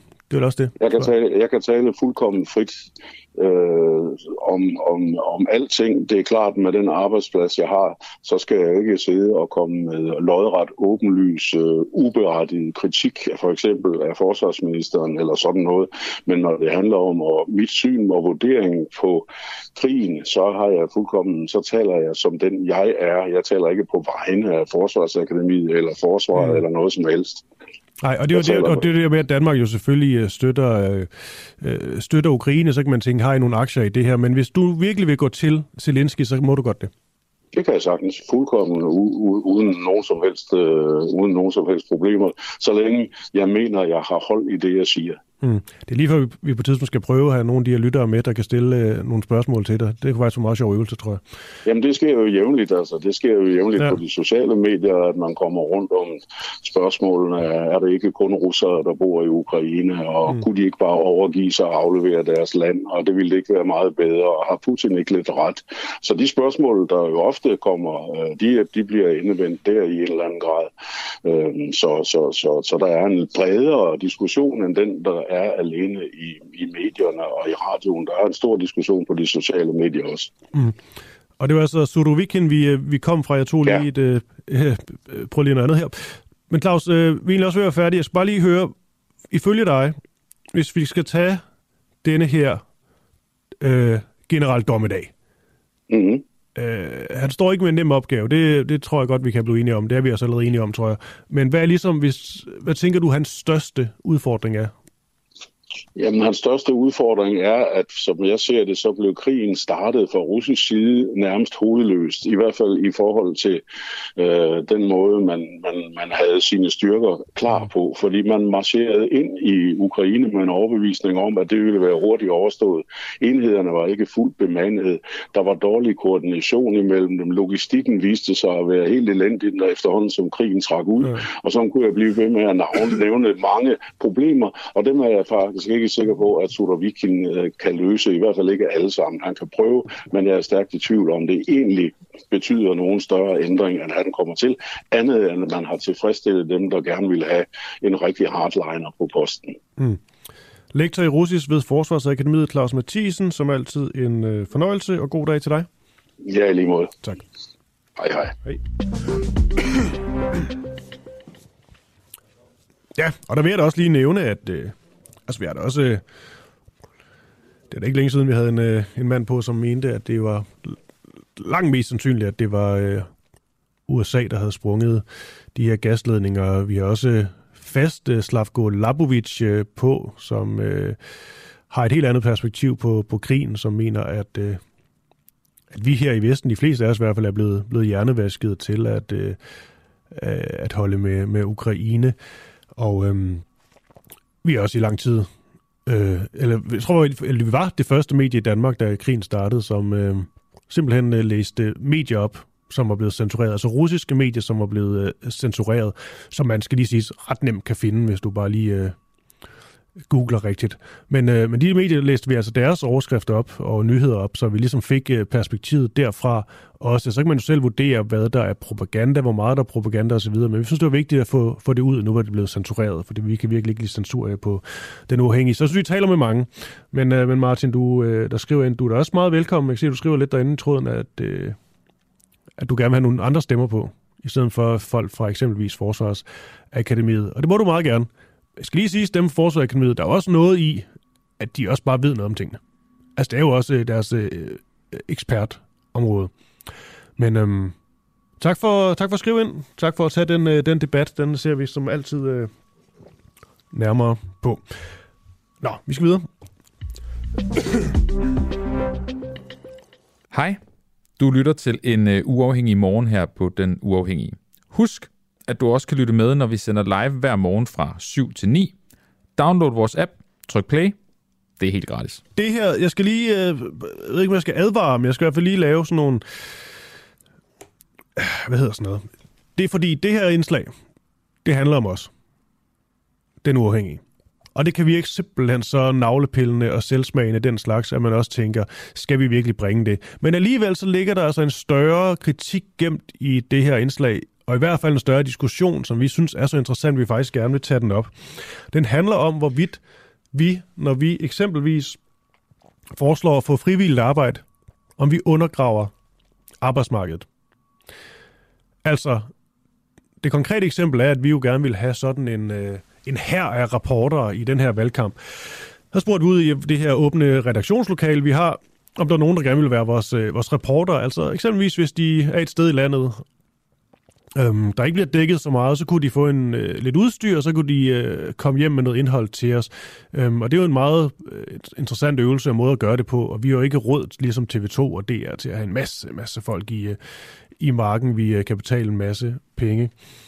Derudover så lagde vi så også det her opslag op på, øh, på nogle forer for øh, journaliststuderende. Og det var fordi, vi tænkte, at journaliststuderende, de må da synes, det her det er en ret sjov mulighed. Det skal lige siges i opslaget, der står der også øh, med store fede bogstaver øverst op, det er ulønnet. Altså, der er ikke penge i det her. Du skal ville det. Og hvis man vil det, så kan man ringe eller skrive til en øh, ja, mailadresse, telefonnummer, og så kan man sige, at jeg vil gerne være reporter bare i den her valgkamp, men altså uden løn. Det her, det synes øh, Emil Vogelius, journaliststuderende og formand for de kommunikations- og journaliststuderende i Aarhus, ikke var nogen som helst god idé.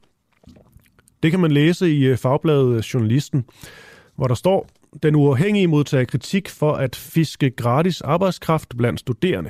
Kritikken her, som, som jeg lige nævnte, bliver så anført af Emil Vogelius. Så nu tager vi os debatten. Er det, er det helt, helt dumt, det vi gør? Er det skidt? Er det forkert?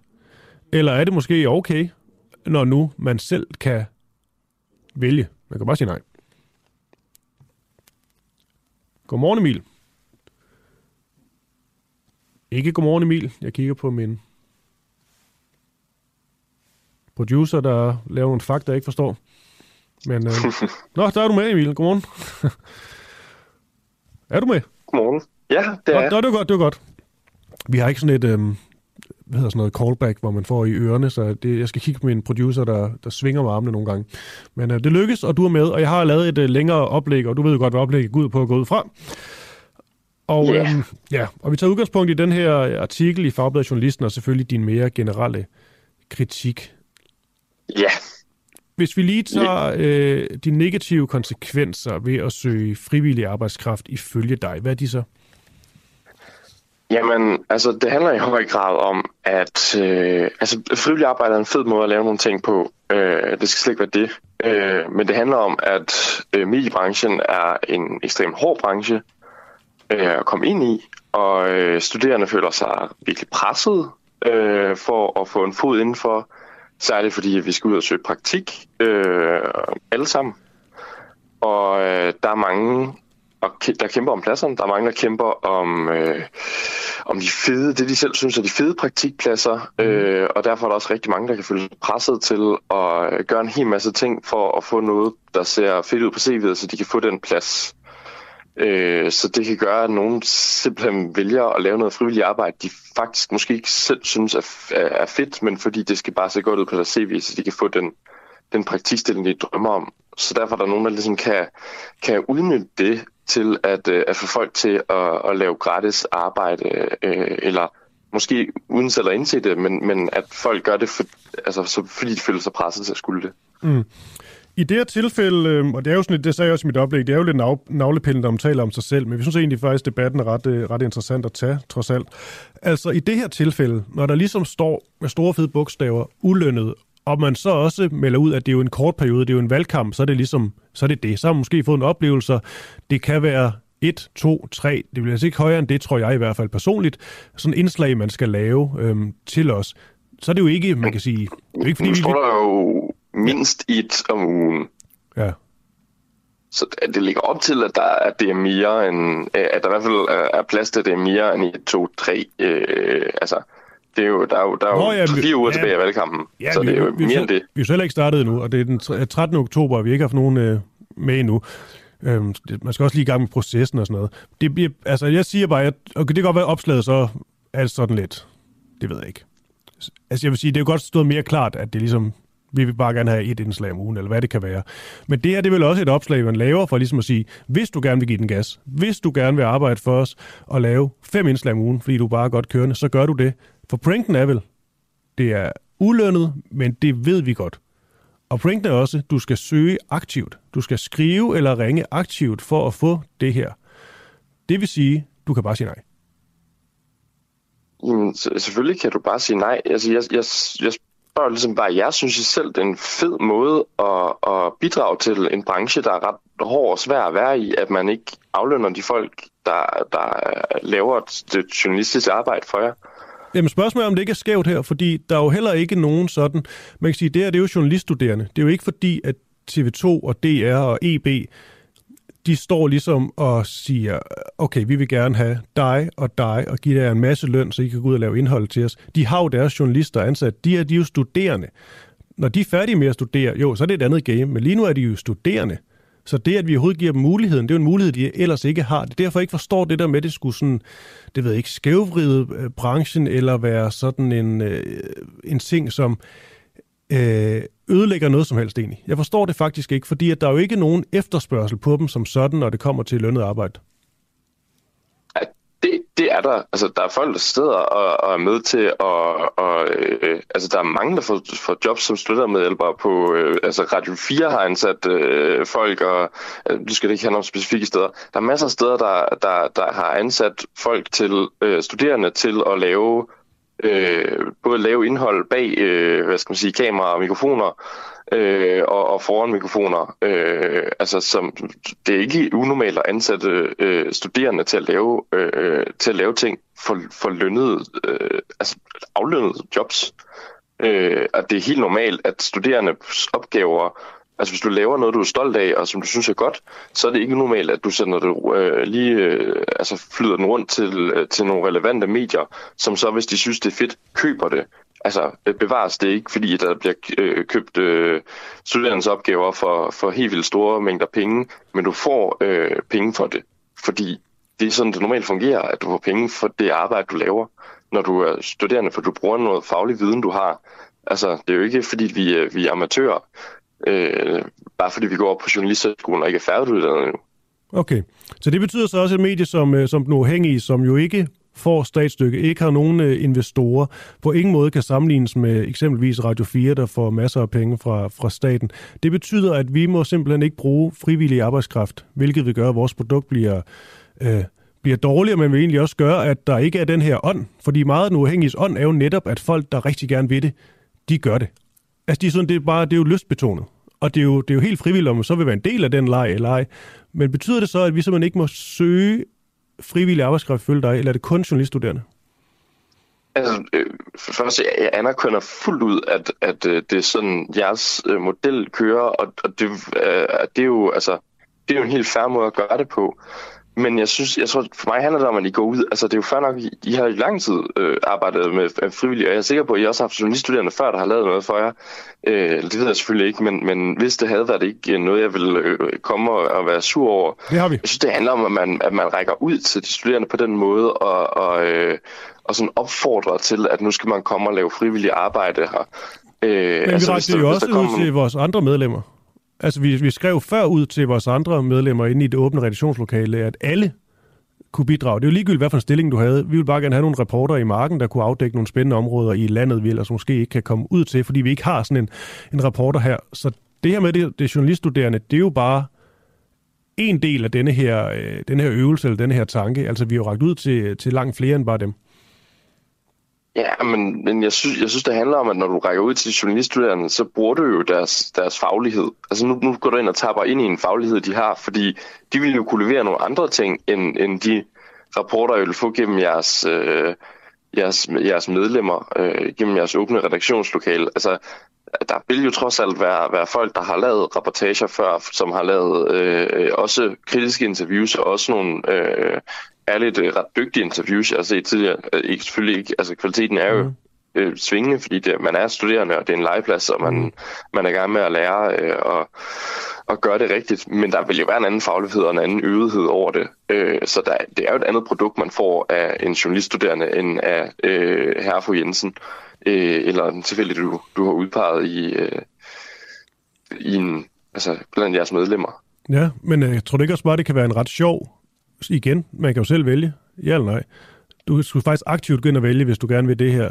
Øhm, det er det, jeg ikke helt forstår, fordi der, altså, kan det ikke også godt være en rigtig god chance, og skide sjovt i øvrigt, for dem, der ligesom siger, siger ja. Og hvis de er fuldstændig ligeglade med, om de får løn eller ej, de får deres SU. Øh, og, og jo, jo, det...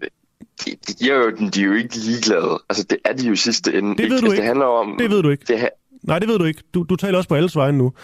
Det kan sagtens være et enkelt tilfælde eller flere, som er ligeglade med løn lige det, hvad det her angår, fordi de har deres SU, og, og de, for dem er det ikke det vigtigste. Det vigtigste er at lave noget rigtig sjovt arbejde som studerende, og så skal de nok komme ud på den anden side og tjene en masse penge. Den mulighed er der da. Jeg synes også, du taler meget sådan generelt om folk. Der kan der sagtens være nogen, som gerne vil det her. Der kan helt sikkert sagtens være nogen, der gerne vil det her. Jeg spørger, jeg spørger mest af alt jer, synes I ikke, at, altså jeg spørger jer, vil ikke gerne bidrage til en, et, et federe øh, mediemiljø, og et miljø, der er rart at være i, hvor, altså I, jeg har, nu har jeg efterhånden rigtig mange af, af forskellige værter og, og folk, der er tilknyttet den uafhængige, der har været inde og, på, på Twitter og, øh, og, og diskutere efter jeg, efter jeg slog noget op der, hvor, hvor, alle var sådan, hvor der er flere, der har været sådan, "Jamen, jeg arbejder selv frivilligt i lang tid, øh, da jeg startede. Mm. Men synes I, det var, altså, synes I, det var fedt, at I var nødt til at arbejde frivilligt? Altså, I har jo kæmpet for at starte den her, øh, i øvrigt mega fede radiokanal op, hvor I laver god, øh, god journalistik. Vi ønsker I, at andre også skal gå, i, gå igennem og skulle arbejde øh, frivilligt og ikke have nogen indtægt i, i længere tid for at kunne komme til at være en fed journalist hos jer. Altså, det, det, er jo det, valg, det, er jo, det er jo det valg, man må tage. Det er jo det også valg, vi har taget. Så kan det være, der kommer investorer ind senere, som gør det sjovere, men lige nu nej. Altså, jeg, jeg får løn, og det har jeg hele tiden gjort, men den løn, jeg har fået, er jo så latterligt lavere, end hvad jeg nogensinde har fået, eller kunne få på andre øh, kanaler, hvor jeg før har været radiovært. Så kan jeg lave ting ved siden af, det får til at køre rundt. Men det er jo ligesom et valg, man tager. Altså, jeg valgte fra starten, men, men pointen er jo bare, jeg vidste jo godt, hvad jeg gik ind til. Dengang der var så Asger Jul, der, han fortalte mig ligesom, hvad de havde at, at, at rode med. Altså, hvad jeg kunne få i timen. Og det var et latterligt beløb. Og det var nærmest øh, en hån i forhold til, hvad jeg ellers skulle få andre steder. Men jeg troede så meget på projektet, at jeg, jeg sagde ja. Og det er vel også den drivkraft, som journalister godt kan have. Og så kan det være, at man senere hen kan finde et eller andet job, hvor du bare kan tjene... Øh, få en helt sikker løn og den slags. Altså, jeg tænker også, der er vel ikke noget galt i, at man nogle gange springer ud i noget. Fordi vi kan ikke køre rundt uden frivillig hjælp, lige, øh, hvis det i hvert fald skal være sådan et rigtig godt, øh, godt format. Altså, jeg vil, jeg vil bare sige, jeg har, jeg har snakket med... med Jamen, nu, nu sætter du det også meget på spidsen, ikke? Altså, jeg siger jo heller ikke, at de skal stoppe med at have frivillige. Jeg siger, at måske I skal stoppe med at fiske efter journaliststuderende til at arbejde gratis for jer. På den måde ligger op til det på. Der er bare rigtig, rigtig mange, som jeg har snakket med, mm. øh, som, som fortæller, at de er presset, og som fortæller, at øh, at de føler, at de er nødt til at lave alt, alt muligt slags, blandt andet frivilligt arbejde, for at, øh, for at få en fod indenfor. Øh, og som fortæller om, at, øh, at de er bange for, fordi de har et studiejob, der er ikke studierelevant, øh, men de er nødt til at have det for at kunne, øh, for, for at kunne til at løbe rundt, fordi øh, i den tid, vi er i nu, så hvis man både vil have øh, tag over hovedet, varme og, øh, og mad på bordet, jamen så er du nødt til, at- altså, så er der mange, der er nødt til at have et studiejob ved siden af. Øh, og fordi det ikke er studierelevant, så er de mega bange for, at de kommer bagud i, i løbet om at få de gode pladser. Og, altså, det, der er virkelig mange, der går og har sådan lidt ondt i maven over det her, og ondt, ondt i maven over den branche, øh, og, og ondt i maven over, hvad man, hvad man skal gøre for at få foden indenfor. Og når I så skriver ud på den her måde, så kan der være nogen, der sidder og tænker, I skal jo selv til at have en praktikant nu her fra februar, øh, som, som sidder og tænker, uh, hvis jeg gør det her, så har jeg foden inden for døren, så er jeg foran til at få en praktikplads hos den uafhængige. Øh, så nu gør jeg det, selvom jeg faktisk ikke rigtig har råd til det. Øh, fordi jeg vil, jeg vil bare så gerne have en praktikplads hos dem. Fordi jeg er jo et fedt medie. Så der er jo nogen, der måske kan føle sig, øh, altså presset er det forkerte ord, men, men, men, men føler sig trykket og, og tager det, selvom de faktisk øh, måske har brug for et, for et job, hvor de kan få en lille smule løn. Altså, jeg beder jo heller ikke om at, at aflønne dem som, som paver, men, men måske bare en, nej. en skilling for, for det arbejde, man Jeg laver. Det tænker, synes vi, jeg er øh, egentlig fair. Ja, jeg tænker, vi øh, måske tager den videre og prøver så at spørge nogle af de her journaliststuderende, hvad de egentlig føler ved det her opslag. For jeg tænker også, nu taler meget sådan om, øh, om der er mange, der føler, og der er mange, der synes. Øh, hvem er de egentlig? Så jeg tænker måske, det kunne være sjovt at få nogle eksempler. Også gerne en, der er dybt dyb kritisk over for os, for jeg synes, det, debatten er, er, er fin og god, og jeg er glad for, at du, øh, du rejste, Emil Vogelius. Og som du næsten kan høre på mig, så skal jeg videre i programmet. Men det var, øh, det var, det var en fornøjelse at tale med dig. Du, jo, tak, og lige måde. Yes, du er journaliststuderende og formand for de kommunikations- og journaliststuderende i Aarhus. God dag. Tak lige måde. Tak.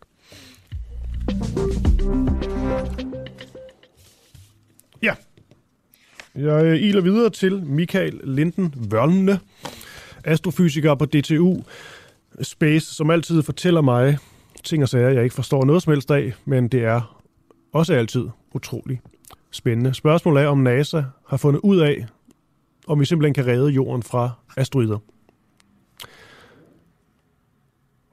For to uger siden, der øh, tonsede en amerikansk rumsonde altså ind i en asteroide 11 millioner kilometer væk fra jorden. Det her, det var første forsøg nogensinde på at teste, om vi mennesker kan ændre en asteroides bane. NASA, de har nu netop offentliggjort de første beregninger fra det her forsøg. Og øh, Michael Linden Vørlne, han øh, ved forhåbentlig lidt mere, end, øh, end jeg gør, om, øh, om de, her, øh, de her tal og beregninger, der er kommet fra, fra det her forsøg. Godmorgen, Michael. Godmorgen. Kan man tale om sådan et... Øh, et sådan, hvad er det, man sagde, da man havde matematik i skolen, så blev der sådan sat en streg under, når det ikke var sådan helt endeligt resultat endnu, men vi var der hen af. Er det, kan man tale om, øh, om, hvor vi er lige nu? Jamen altså, så kan man i hvert fald godt sætte, sætte øh, en streg under, øh, fordi øh, man har jo kunne konstatere, at det er lykkedes øh, som forventet i virkeligheden at ændre øh, banen på den her asteroide ved, ved kollisionen med dartsonden. Og endda noget mere, end man lige umiddelbart havde regnet med. Det var sådan, at omløbstiden for, for øh, Dimorphos, den kredser op den større asteroide, den minutter.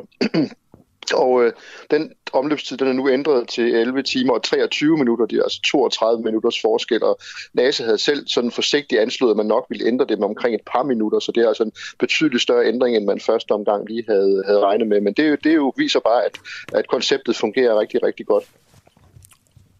Alright. Og nu kommer det her måske irriterende store spørgsmål, men det er vel også reelt øh, nok. Altså, hvad er det, vi, vi kan bruge det til? Jeg ved godt, ligesom øh, hvad sådan, hovedtanken er bag, men hvis du skal se dine ord på det, hvad er det så, vi kan bruge det her til? Jamen, øh, det er for Undskyld. Nu har vi i hvert fald en teknik, som kan bruges til at beskytte jorden mod kometer og asteroider, når den dag kommer, at en større asteroide eller komet er på kollisionskurs. Øh, Så det er jo simpelthen et spørgsmål om at sikre civilisationens overlevelse. Det synes jeg, der er et forholdsvis nobelt formål. Ja. Altså, kan man tale om, øh, det er jo selvfølgelig delkonklusioner og sådan noget, men kan man sådan begynde at tale om, at, øh, at vi, øh, vi godt kan, hvad kan man sige, forsvare os mod, mod, mod asteroider i hvert fald øh, sådan, sådan fremadrettet, eller er det lige at, at give den lidt for meget, øh, skrue lidt for meget på, øh, på knappen? Nej, fordi jeg sige, vi har jo sådan set i princippet godt vidst, at det her kunne lade sig gøre, men, men en ting er at vide noget i princippet, noget ja. andet er at gøre det i praksis. Det, der i virkeligheden var det helt afgørende, det var jo det, der virkelig skete den 27. september, hvor dartsonden ramte. For det at ramme, det var sådan set det vigtigste, fordi folk spurgte meget, hvad kan der gå galt? Jamen, det primære, der kunne gå galt, det var, at man ikke havde ramt, øh, fordi det ville jo være et problem. Så, så det, at man har vist, at den teknologi fungerer, at man kan ramme øh, en asteroide med en rumsonde i høj hastighed, fordi høj hastighed betyder rigtig meget. Jo højere hastighed, jo større effekt har man på, øh, på det objekt, man rammer. Så, så det var sådan set det allervigtigste. Så man kan godt sige, at den her teknologi, den her teknik til at gøre det, den har vi styr på, og den kan vi bruge, øh, når den dag kommer, hvor en asteroide eller komet er på vej mod jorden. Bill Nelson, der er chef for NASA, har udtalt, at vi har vist verden, at NASA er en søs forsvar af vores øh, planet. Men den her, øh, trods alt, den her, den her trussel, der så må være, er den egentlig reelt nok, eller er det sådan noget, en, øh, en mulighed, øh, et eller andet kan ske om øh, 100 millioner år eller sådan noget? Ja, så går an på størrelsen af begivenheder, for det er jo så, sådan noget, som der skete for dinosaurerne for 66 millioner år siden. Mm. Det anslår man jo, at det er sådan 100-200 millioner års begivenheder. Men mindre kan bestemt også gøre det, og det er jo ikke tilfældigt, at man netop har ramt den her lille asteroide uh, Dimorphos, som er cirka 160 meter stor, fordi objekter af den størrelse, de uh, udsletter jo ikke alt liv på jorden. Det gør sådan nogle sammenstød med, med, med store asteroider jo generelt ikke, men uh, de påvirker jo vores, vores verden rigtig meget. Men sådan en nedslag der ved sådan en 150 meter asteroide rammer Sjælland, jamen så er Sjælland væk. Øh, så, så, så mindre kan også gøre det. Og det er jo klart, det er derfor, man også ser på, at vi skal jo også kunne beskytte vores øh, planet på ja. mindre skala, altså mod forsvar mod de ting, der kan have effekt både regionalt og lokalt. Altså de allermindste asteroider, dem er der jo rigtig, rigtig mange af, og de kan jo komme fuldstændig uvarslet. Det så vi i 2013 i den russiske by Chelyabinsk. Øh, og sådan noget kunne jo ske i morgen. Det kunne ske om en halv time. Det kunne ske lige over vores hoveder, uden at vi anede, anede det skete. Så der er også et element i det. Vi skal blive bedre til at opdage de her objekter. Det kan godt være, at vi så ikke kan gøre noget ved de mindste af dem, men så kan vi i hvert fald varsle folk og sige, pas på, øh, der kommer noget, hold jer væk fra vinduerne, gå i beskyttelsesrum, et eller andet. Så opgaven er jo også at blive bedre til at finde de objekter, holde øje med dem, følge dem, så vi også kan være klar med de rumsonder, der så skal forsvare os, når den dag kommer. Okay, øh, Michael Lynden, øh, uh, Vørlende, astrofysiker og D2 Space, det er, det, det er spændende også det her med, at nu begynder man ligesom at kunne se det i, øh, i praksis. Og egentlig også glad for den her pointe, du kom med til sidst, at, øh, fordi man har en eller anden tendens til nogle gange at tale om, at enten så er det sådan det totale altså udslettelse af jorden, men det kan jo også være netop være mindre asteroider, der kan forvolde ekstremt stor skade. Præcis. Så vi skal have styr på hele paletten i virkeligheden.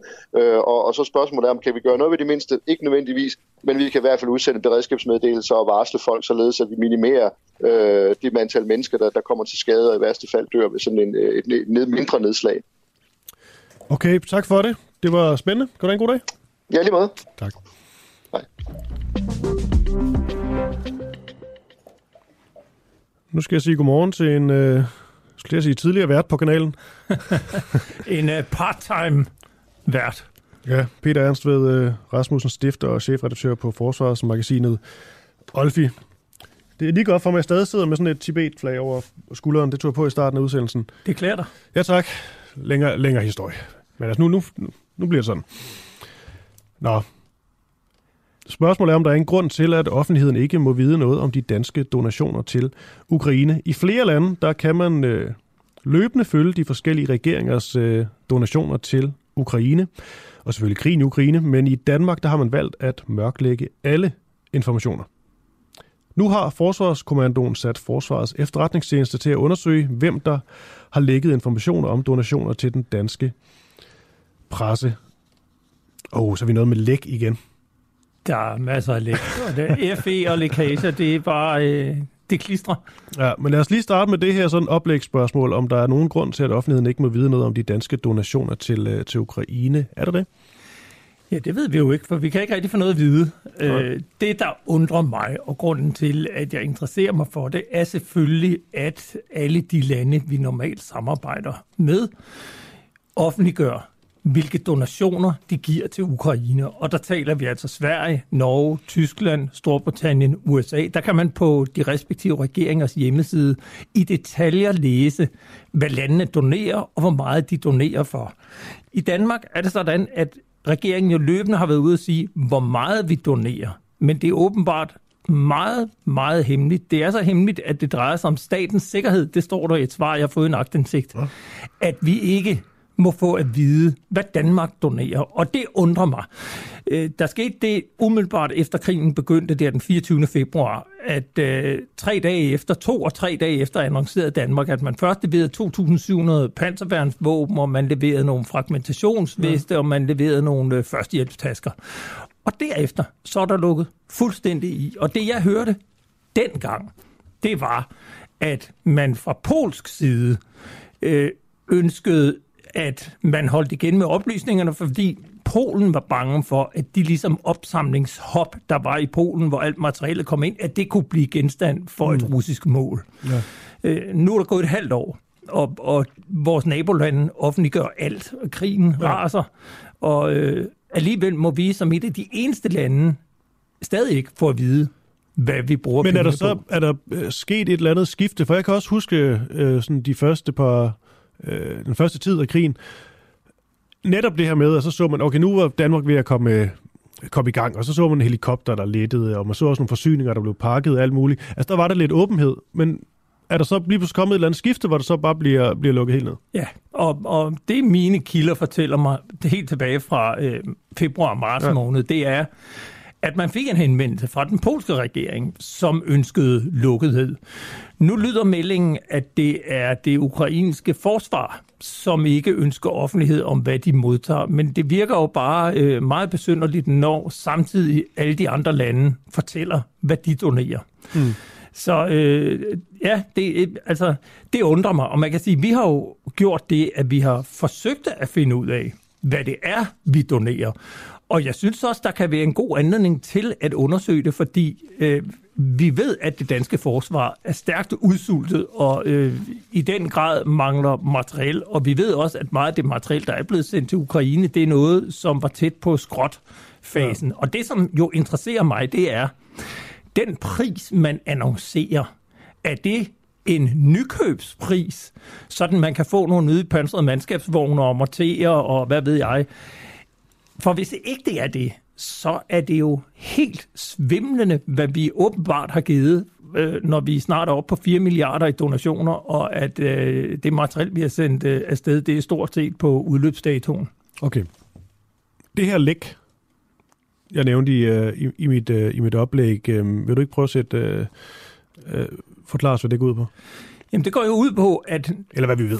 fordi vi ikke har kunne få noget at vide af officielle kanaler, så mm. er vi jo nogle, der har prøvet at undersøge ad andre kanaler. Og, og det er jo klassisk journalistisk research, hvor man uh, taler med kilder, og kilderne har jo været godt vidst, at det ikke var et politisk ønske, at man fortalte, hvad vi donerer, men der er dog nogen, der har fundet det væsentligt at gøre sådan en lille smule klogere. Det, som vi på Olfi blandt andet kunne fortælle, mm. det var, at vi leverede i omegnen af 75 pansrede mandskabsvogne, cirka 50 stykker af de gamle Bælte M113 og 25 øh, julekøretøjer Piranha 3 til den historie hører så, at for at vi kan øh, donere de her Piranha 3, som er produceret i Schweiz, så kræver det, at den svejtiske regering har sagt ja til det.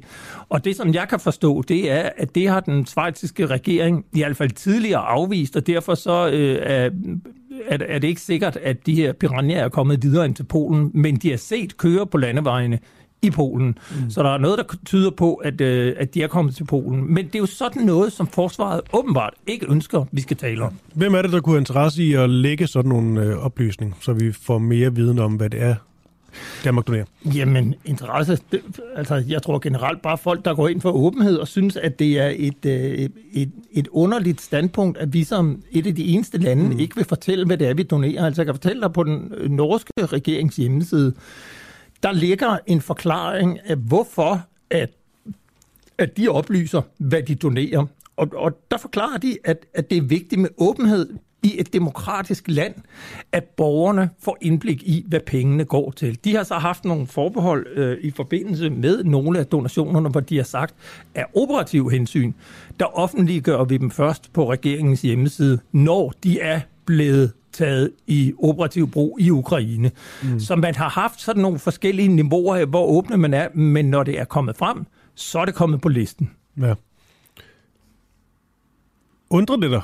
Ja. Det kan jeg høre, det gør, men, men hvor meget, eller jeg måske hellere skrue lidt op og sige, øh, altså hvor meget undrer det dig, at Danmark eksempelvis ikke gør som de, øh, de nordiske lande, hvor man på en eller anden måde, jeg havde bare en idé, at man lidt fuldt hinanden ad, når det kom til sådan noget. Det havde jeg jo også. Ja. Og, øhm, og jeg må bare sige, at den lukkethed, vi oplever på det her område, den falder i tråd med den øvrige lukkethed, vi oplever øh, i statsadministrationen. Og jeg synes jo også, at det er tankevækkende med hele den FE-sag, der kører, at øh, hele den danske statsadministration, den virker paranoid for, at oplysninger kommer ud til offentlighedens kendskab. Og man er åbenbart mere interesseret i at jagte kilder og jagte dem, der kunne have sagt noget, de ikke måtte, end at løsne lidt op og sørge for, at øh, vi får lidt flere informationer, sådan at borgerne kan have tillid til mm.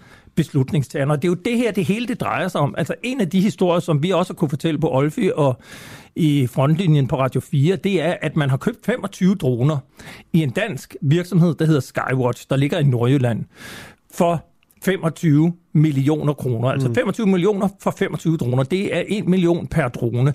Det har man gjort uden udbud, til trods for, at der er en anden virksomhed i Værløse, som har formentlig det, der på papiret ligner et langt bedre produkt, hvor man kunne få over dobbelt så mange droner. Og det hører med til historien, at en af de personer i ledelsen i den nordjyske virksomhed Skywatch, som altså har fået ordren, det er den tidligere herrchef Hans Christian Mathisen, som i 2020 blev idømt tre måneders ubetinget fængsel for korruption. Og jeg siger ikke, at den handel er korrupt. Jeg siger bare, jeg kunne godt tænke mig, at der var noget mere åbenhed, og at Forsvarsministeriet stillede op og svarede på spørgsmål, mm. hvorfor man vælger at købe et produkt, der er dobbelt så dyrt hos en tidligere dømt, end i værløse, hvor man kunne få dobbelt så mange droner, der formentlig var bedre. Og derfor skal vi interessere os for det og undersøge det. Mm. Det her med, at, øh, at FE så er blevet sat til at øh, undersøge, hvem der har lægget informationer om det, netop donationer til, øh, til, til pressen.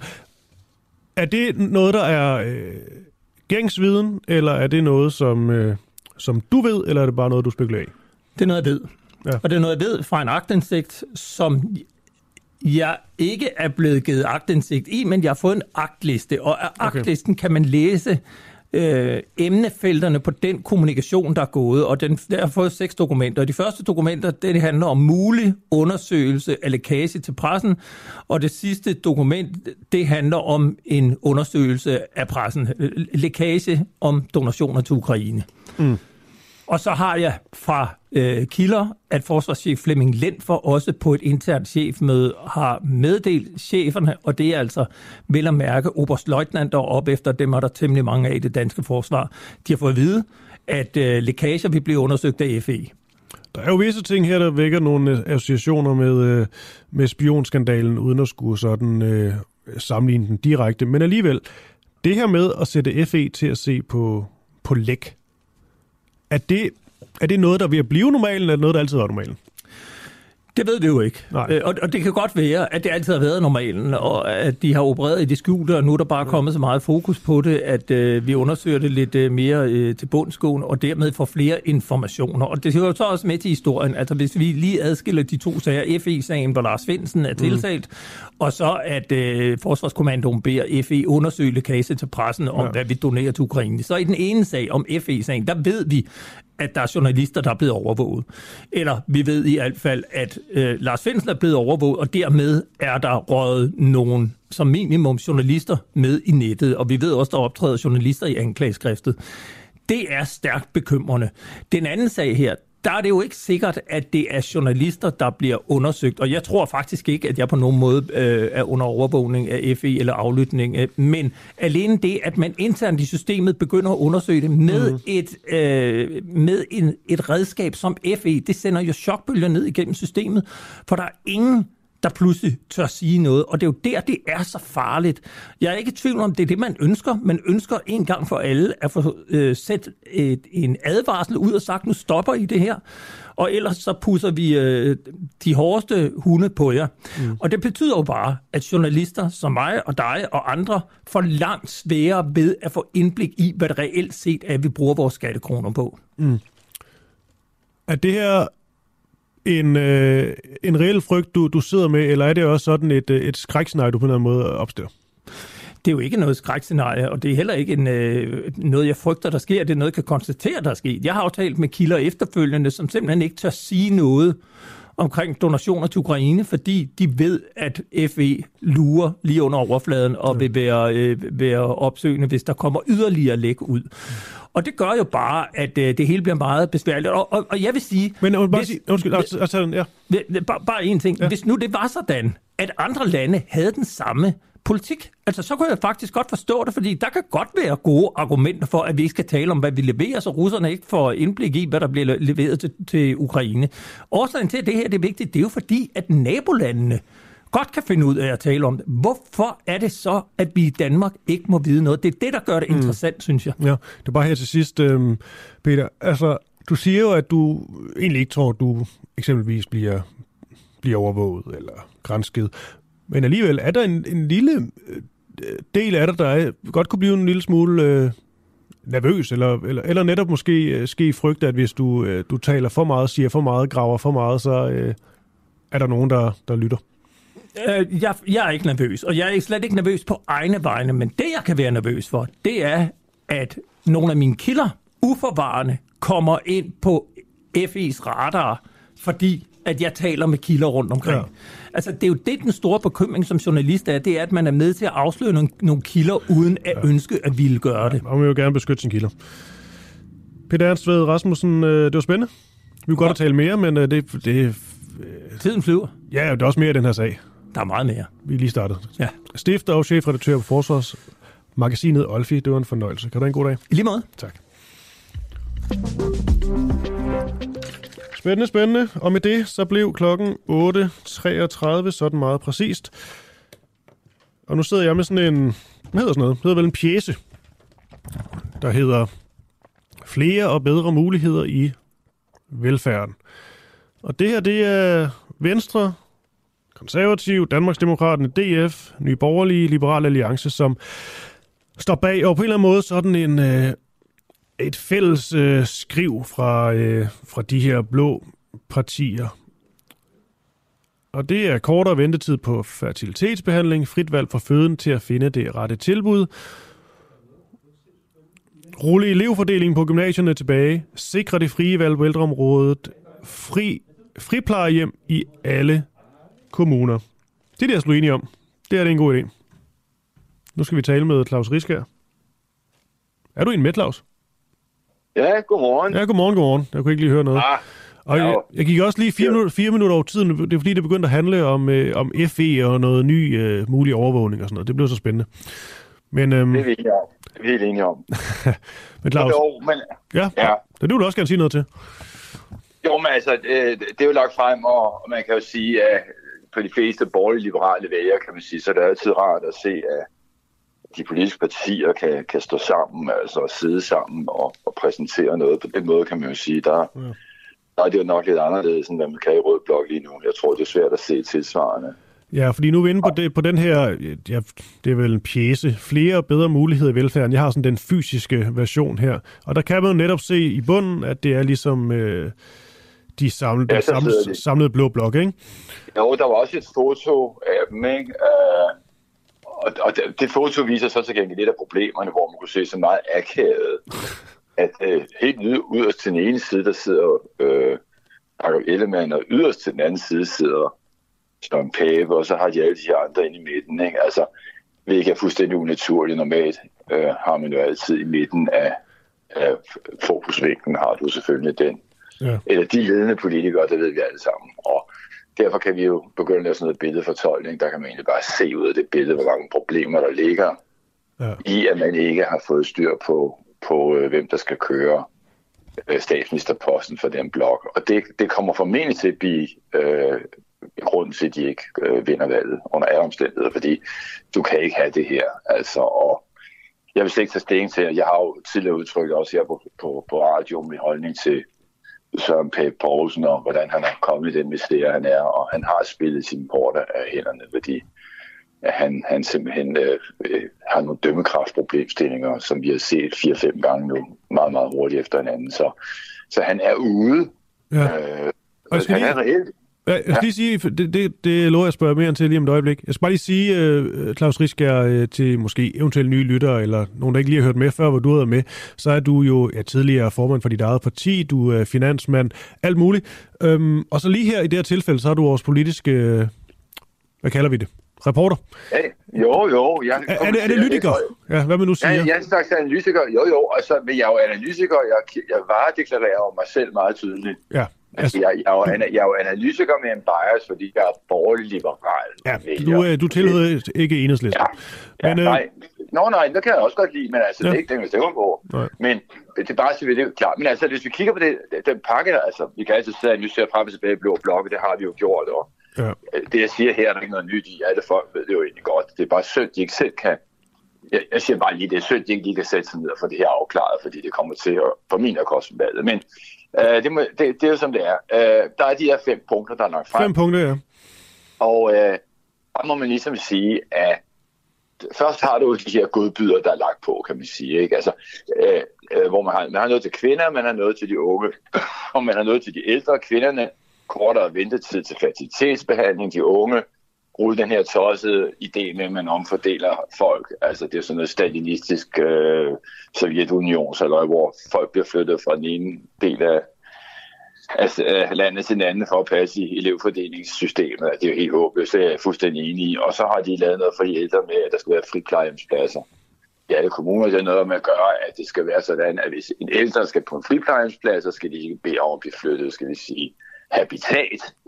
Uh, og det er der også en god uh, mening i. Men skal ikke bare enige om, det er jo sådan tre godbyder, Mm. der er lagt ud her. Jeg mener, jeg kan ikke lige huske fertilitetsbehandlinger, men der, er, der bliver altså født 60-70.000 børn om året i Danmark. Jeg tror, det er cirka 10 procent af dem, der er under fertilitetsbehandling. Men tænker du så, Claus Risker, når vi lige, lige tager den, vi tager også ja. de andre punkter bagefter, men for eksempel den, der hedder kortere, ja, netop kortere ventetid på fertilitetsbehandling. For det ja. første, så er det jo noget, alle partier, altså alle partier gerne vil sige. Det er også noget, alle vælgere kan blive enige om, det er, en, det er en god idé. Men ser du så noget i det her, hvor du sådan tænker, øh, okay, de har også en eller anden helt særlig god idé til det, eller vi har fundet Nej, nej, altså, fi- finanserne altså, på en eller anden måde? Ja. Altså, det eneste, der, det eneste, der er reelt politik i her, det er, at man, at man vil rulle det der tossede øh, forlig tilbage, hvor man omfordelte gymnasieeleverne mod deres egne ønsker. Øh, og det er et ekstremt øh, liberalt, skal vi sige, øh, projekt, øh, at man har gjort det. Ja, fordi, altså, og din pointe er så, at øh, mange af de andre øh, øh, punkter, øh, jeg siger ikke, det er en sludder for en sladder, men det er, ikke, det er ikke, måske ikke noget, der sådan kan, kan overraske, eller noget, hvor de virkelig sætter foden Jamen, ned. altså, nu, nu, jo, jo, men nu gjorde, nu gjorde de det, Christoffer. Jeg tog lige de der tre ting og sagde, det var sådan tre godbidder. Nå, nu kommer to mere så, ja. Ja, der er jo to mere. Altså, så, så er der jo de to, der er politik i.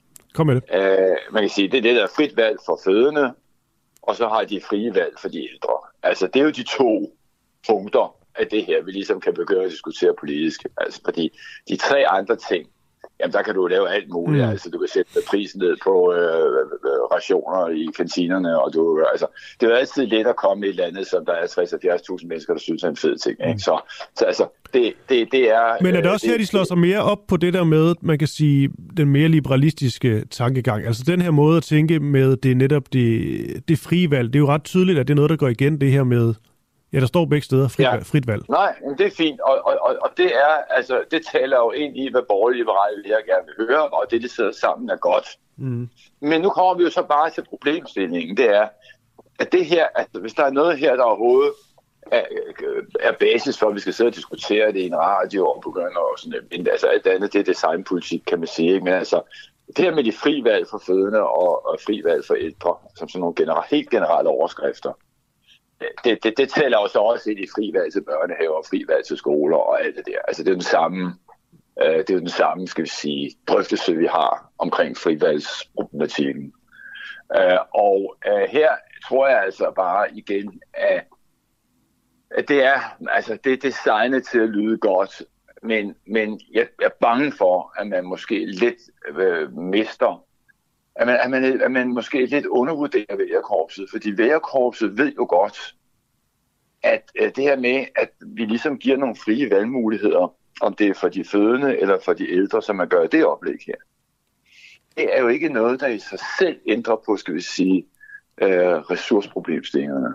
Altså, og det er jo ressourceproblemer, vi har. Øh, så det, at du konkurrenceudsætter øh, ydelser, der laves i den offentlige sektor, har jo kun mening og giver kun mening, hvis der er de ressourcer, der skal til, at konkurren- konkurrenceudsættelsen kan medføre bedre produkter eller lavere priser. Sådan, det er sådan meget enkelt. Og det er der jo, altså problemstillingen er jo, at vi har jo ikke de her bemandingsressourcer, der skal til at lave alt det her. Nej. Og, der, og, det, og jeg tror altså, jeg tror, de undervurderer vælgerne nogle gange, fordi folk er, altså jeg kan huske, at jeg selv lavede valgkamp i 2019, og var ude øh, overalt i landet og mødte folk på en lidt anden måde, end jeg var plejet at gøre. Jeg var simpelthen så ekstremt overrasket over, hvor meget, øh, altså, øh, det, dem jeg mødte følger med. Ja, Du ved også godt folk, der går til politiske møder og går hen til sådan en forsamling og Mm. står og lytter. De er jo nok også interesserede i det. Mm. Men stadigvæk, stadigvæk er vi på et højt niveau. Ja. Og Men er det, su- er det substans, du mangler? Ja, jeg mangler, jeg, jeg mangler, altså det jeg ikke kan lide er, at man går ud i en periode, hvor vi skal diskutere nogle meget, meget tunge problemer, vi har i økonomi og i muligt andet, og så laver man et udspil, som er øh, free lunch. Altså, øh, det er sgu en free lunch at sige, nu skal der altså være frit valg til, til forældre og for de fødende, men altså frit valg for de fødende, lad os bare tage den på, på de private klinikker, der er. Hvor skulle jordmådene komme fra? Nå, de skal så åbenbart komme fra det offentlige, eller hvad? Mm. Og vil vi, blive ved med, vil vi blive ved med at acceptere, at det offentlige system bliver kannibaliseret af medarbejdere, der rykker ud og arbejder privat, øvrigt samtidig med, at de arbejder i det offentlige, mange af dem. Mm. Altså, her har diskussionen måske mere været at sige mig, kan vi overhovedet leve med, at vi som arbejdsgiver i den offentlige sektor, i sundhedssektoren, har en stribe af læger og sygeplejersker og alt muligt andet, der dobbeltjob og går ud og tjener kassen på arbejde som vikar, samtidig med, at de er ansat hos os. Der vil jeg bare sige, at havde det været en privat virksomhed, havde det jo været en non-starter. Du havde jo ikke i en privat virksomhed som ledende medarbejder, altså forstå overlæge, læge eller øvrige medarbejder, forstå sygeplejerske, så havde du ikke kunnet gå ud i din fritid, ikke engang i din fritid, og slet ikke som en deltidsmedarbejder, og arbejde hos en konkurrent. Mm. Det er ikke kun gøre. Så blevet sparket ud. Og som man kan sige, jeg synes, at de lukker øjnene for den reelle diskussion. Og det synes jeg, den ligger jo lige her. Den vi tager nu, den er jo helt oplagt. Hele det her vikarspørgsmål, og hvordan det bliver ja. misbrugt, og, og, og hvordan det ødelægger det offentlige system. Og det har de jo ikke besvaret, når de siger frit valg for fødende. Jo tak. Og så, så, og så kommer det jo så også frit valg igen. Hvor frit er det valg? Fordi vi ved jo alle sammen godt, at de private fødeklinikker, de må hele tiden hjemsende fødende til det offentlige, lige så snart det er andet end en fuldstændig selvfølgelig fødning. Lige så snart der kommer den mindste komplikation, så er det Rigshospitalet eller videre, hvis vi er over den her del af verden. Ikke? Og, altså, så man kan sige, det er, det, det er ikke i orden, og, og du har det samme problem på ældreområdet, kan man sige. Vi har gigantisk underskud af, af hænder. Øh, øh, og tale om frie valg, så vil du så altså, ligesom forudsætte, at øh, øh, at vi kan flytte rum på folk, som vi ikke kan. Altså, øh, øh, og, og det gælder jo også fri, friplejehjemspladserne, som de også er ude med, er jo slet det samme problem, fordi de forudsætter jo, at man hvilket sted bare lige kan oprette med ressourcer til. Det har vi jo heller ikke. Så igen synes jeg, at det var bare så at sige, at jeg, er, øh, jeg kan godt se, at det er fint nok, og det er en photo opportunity, og det er fint, de står sammen. Men den måde, de står sammen på, er ikke særlig cool, fordi de kan ikke engang finde ud af, hvem der skal være statsministerkandidat, og det svækker vores hold set med mine øjne, altså den del af det politiske system, jeg gerne ser frem, bliver svækket, at de ikke kan løse det problem. Og jeg synes også, at det, del af det politiske system, jeg støtter, bliver svækket af, at det, de kommer med, altså er noget, der falder ved en, øh, altså en 22-årig handelshøjskolestuderendes første års gennemgang på øh, handelshøjskolen, øh, så vil det her falde fra hinanden. Ikke? Så, så, det, så det, det holder, så, så det er bare ikke godt nok. Øh, og, det, og det, det vil jeg bare sige, ja. Ja, og øh, Claus Riske, det var egentlig det. Var egentlig det. det var en god, skarp analyse, og det sjovt at gå så, synes jeg, ned i sådan en uh, pjæse. Den hedder Flere og bedre muligheder i velfærden. Nu tog vi den uh, punkt for punkt med lidt mere fokus på nogle punkter end andre, og øhm, ja. Man kan sige, du, jo, du virker ja. til sådan grundlæggende ikke at være... Øh, vi skal til at komme videre nu, men, men du virker grundlæggende til ikke at være sådan øh, blæst helt bagover. Nej, altså jeg synes, at, jeg synes, at vi har, øh, jeg synes, vi har nogle, nogle, nogle problemer her, og jeg synes, at øh, valgkampen, og jeg synes, at medierne håndteret meget, meget, meget øh, dårligt. Jeg synes, at medierne er mikrofonholdere, det er beskæmmende at se at den tv-tid og radiotid, de får, og hvor der ikke sker noget. Altså, hvor er øh, de kritiske spørgsmål henne, som det virkelig drejer sig om? øh, hvor er spørgsmålet om, øh, hvordan vil man lave indkomstpolitik i øh, foråret næste år? For det bliver man nødt til på grund af inflationen. Det er jo et meget, meget, meget politisk betændt spørgsmål. Vi har ikke haft indkomstpolitik i Danmark siden 80'erne. Og hele diskussionen omkring øh, dansk krigsdeltagelse i Ukraine, europæisk involvering i en stedet for tredje krig dernede. Hvorfor får I ikke det diskuteret det igennem? Så jeg vil bare gerne lige lukke interviewet ned med at lave to cliffhangers. Uh, Jamen, det er godt. Du kan uh, også lige, uh, ja. du kan, ellers skal du også bare lige sende nogle af spørgsmålene til os, så, så tager vi dem videre. Det skal, det skal ikke hedde sig. Claus Riske Pedersen, tak for det. God dag. Tak. Hej, hej. Hej. Bibidum. Er bombningen af Kertsbroen et internationalt terrorangreb?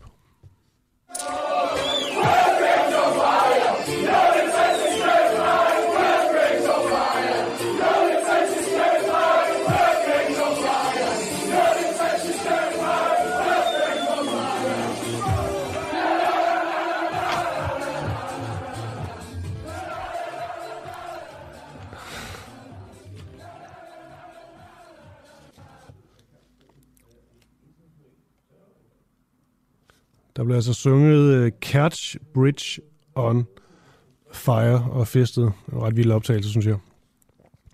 Nå. Ifølge Vladimir Putin, så står den ukrainske efterretningstjeneste bag angrebet på den vigtige Kertsbro til Krim. Han kalder det her for et internationalt terrorangreb. Men altså, hvem er det så, hvis man ligesom går ind i Putins hoved, prøve på det i hvert fald, hvem er det så, der står bag denne her bumpning af, af broen? Det er det, vi lige vil slutte udsendelsen af med. Og til at tale om det, der har vi Anders Puk Nielsen med. Han er militærforsker ved Forsvarsakademiet. Ja, først og fremmest godmorgen, ja. Anders. Godmorgen. Hvem er det, der står bag bumpningen, hvis vi øh, leger i et øjeblik, at vi er inde i hovedet på Vladimir Putin? Øh, jamen, på Putin? Altså, øh, øh, det ved jeg ikke. Altså, min vurdering, der, jeg kan sige, der, der kan jeg være inde i hovedet på mig selv her. Der har, altså, jeg vil tro, det er ukrainerne. Jeg synes, det er det, der sådan giver mest mening. Øh, det skulle være dem, der havde øh, stået bag det her. Det er jo noget, som, som man har diskuteret i lang tid, om ikke det her var et rigtig godt mål for ukrainerne. Øh, så det giver på mange måder mening. Okay, men der er, er du forlydende om, at... Øh at det ifølge Putin er den ukrainske efterretningstjeneste, der står bag øh, angrebet, og kan kalde det også for et, øh, et, et terrorangreb. Er det, er det sådan noget, er, er det, giver det god mening? Ja, altså det synes jeg, øh, at det gør. Øh, jeg sige, det, det, det, det ville også være mit bud, at det var ukrainerne, øh, der, der stod bag det her, og de formentlig jo siden krigen startede har haft nogen til at sidde og arbejde på at finde ud af, hvordan man kunne ødelægge den der bro. Altså, mm. så er der jo så det, hele den der framing om det som et terrorangreb, og den kan man jo så diskutere.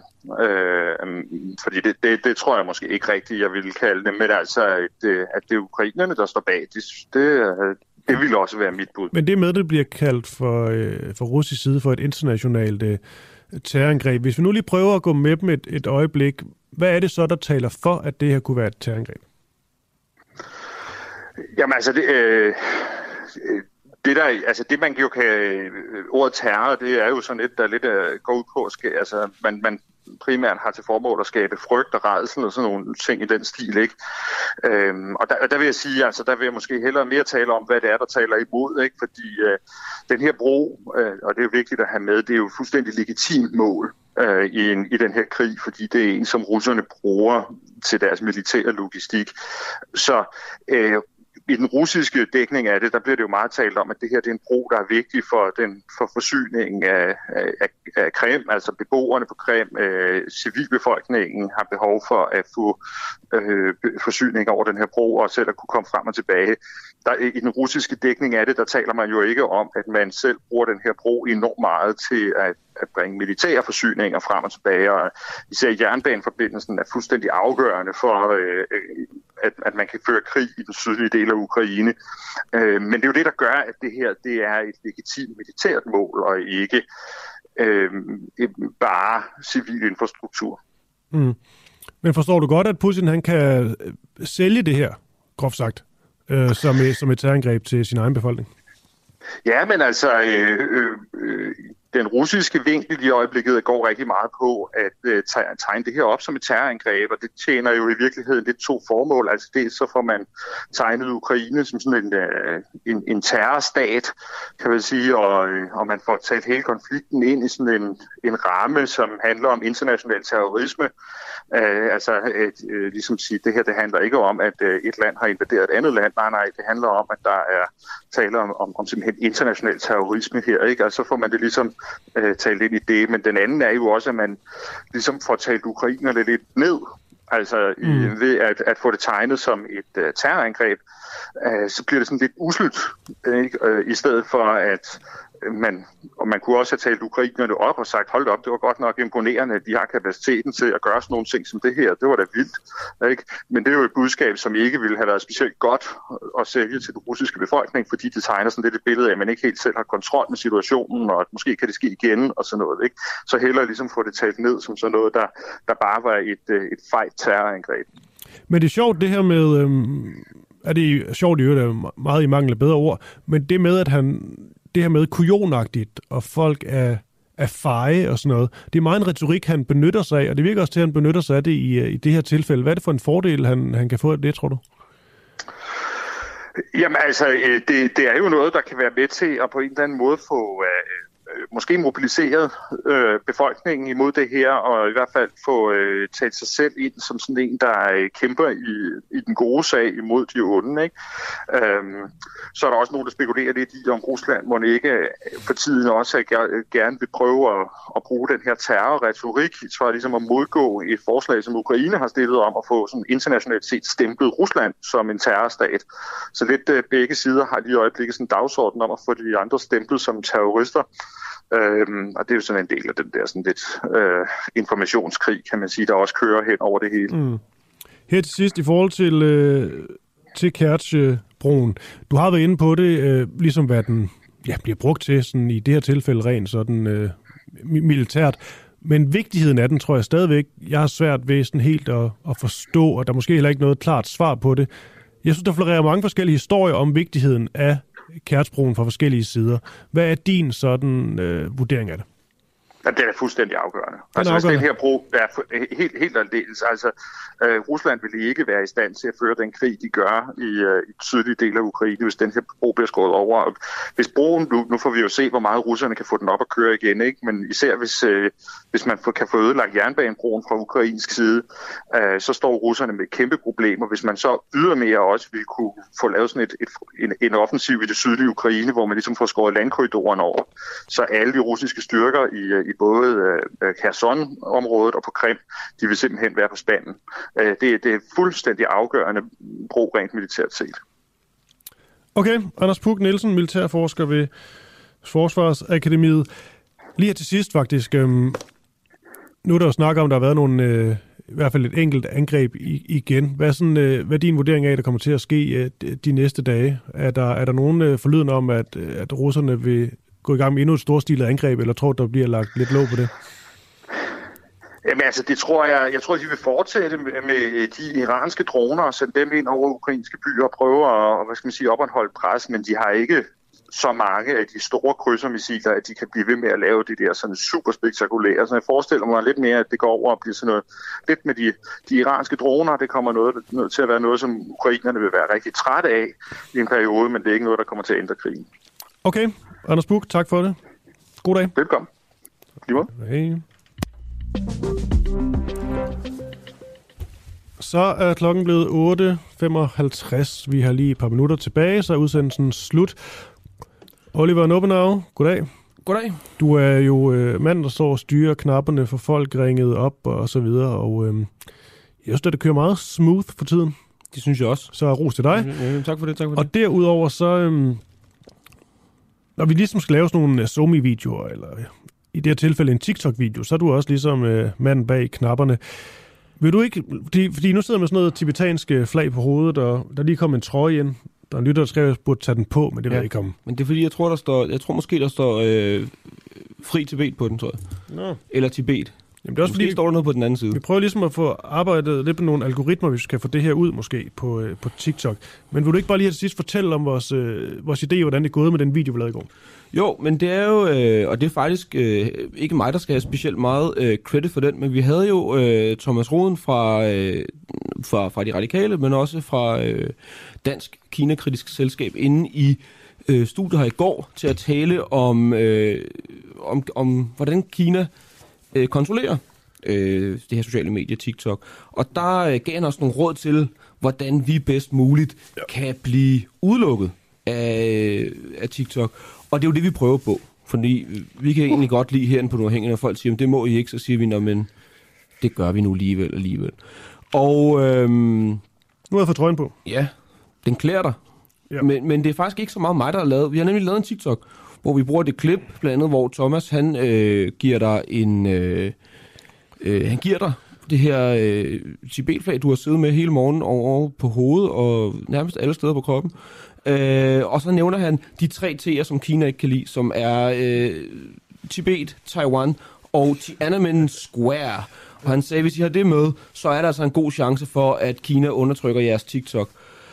Og i den her uge, der har vi en, en øh, rigtig skøn erhvervspraktikant fra 9. klasse, der hedder Ronja, som... Øh, ja, fordi vi andre herinde på redaktionen er jo efterhånden ved at være nogle gamle boomers. Vi forstår ikke TikTok, vi kan ikke finde ud af det, øh, men det kan den unge generation. Så vi øh, satte øh, Ronja til at hjælpe os med at lave en TikTok. Ja. Så vi har lavet vores, øh, den uafhængige allerførste TikTok, hvor vi har øh, fri Tibet-gifs, og vi har øh, et billede af, øh, af Kinas øh, leder Xi Jinping, øh, hvor han skal forestille at være Peter Plys. Ja, det synes jeg ikke det, det kan han virkelig ikke lide. Det går han virkelig meget op i, at han ikke kan lide at blive øh, kaldt for Peter ja. Plys. Her til sidst, altså noget af alvoren det her, det er jo også ligesom at, nu er de mange politikere kommet på TikTok, det er også ligesom for at teste øh, og trykke lidt på de her, de her sociale medier, som mange bare øh, går på, og så fører man simpelthen valgkamp der, men uden ligesom at overveje nogle af de her altså, etiske problemstillinger, der faktisk skal være forbundet med de her øh, store platforme. Jeg skal lige sige, Oliver, til sidst, Øh, Ronja, hun øh, fortæller, at det er jo ikke meget, men den har næsten 700 visninger, og, Okay. og vi er jo lige startet. Vi startede jo øh, kanalen øh, i går, tror jeg det var. Det var vores allerførste, ja. så det er da alligevel øh, altid noget, den er nået til 700. Eller Ja. 700 har set den. Vi skal lige finde ud af, hvordan vi laver noget banger en indhold. Ja. Øhm, for det behøver ikke kun at være det her Tibet noget. Vi kan også prøve nogle, øhm, gå en anden vej, ikke? Jo, det synes jeg. Og der kan man jo også øh, lige sige øh, ud til lytterne, at hvis I har nogle gode idéer til, hvordan vi kan blive rigtig upopulære på øh, TikTok, til hvordan vi måske kan få Kina til at lukke os ned, så skriv dem til os. Ja. Tak for det, Oliver. Ja, selv tak. Du. Og så øh, behøver jeg jo egentlig ikke at sige så meget mere andet, end at øh, Clara Vind og Christian Henriksen, de er vores værter i, øh, i morgen. De gjorde det også i fredags, og øh, så vidt jeg kunne forstå, så var der øh, stor ros af de to unge mennesker, som direkte er ved at overtage mit job. Men sådan det. Det er fair nok. Ungdommen skal også til. Så de sender i morgen. De er sværter, og øh, den her morgen, det var mig, Christoffer Lind. Programmet her, det var sat sammen med Peter Schwartz. Og så vil jeg egentlig bare ønske alle derude en rigtig god torsdag.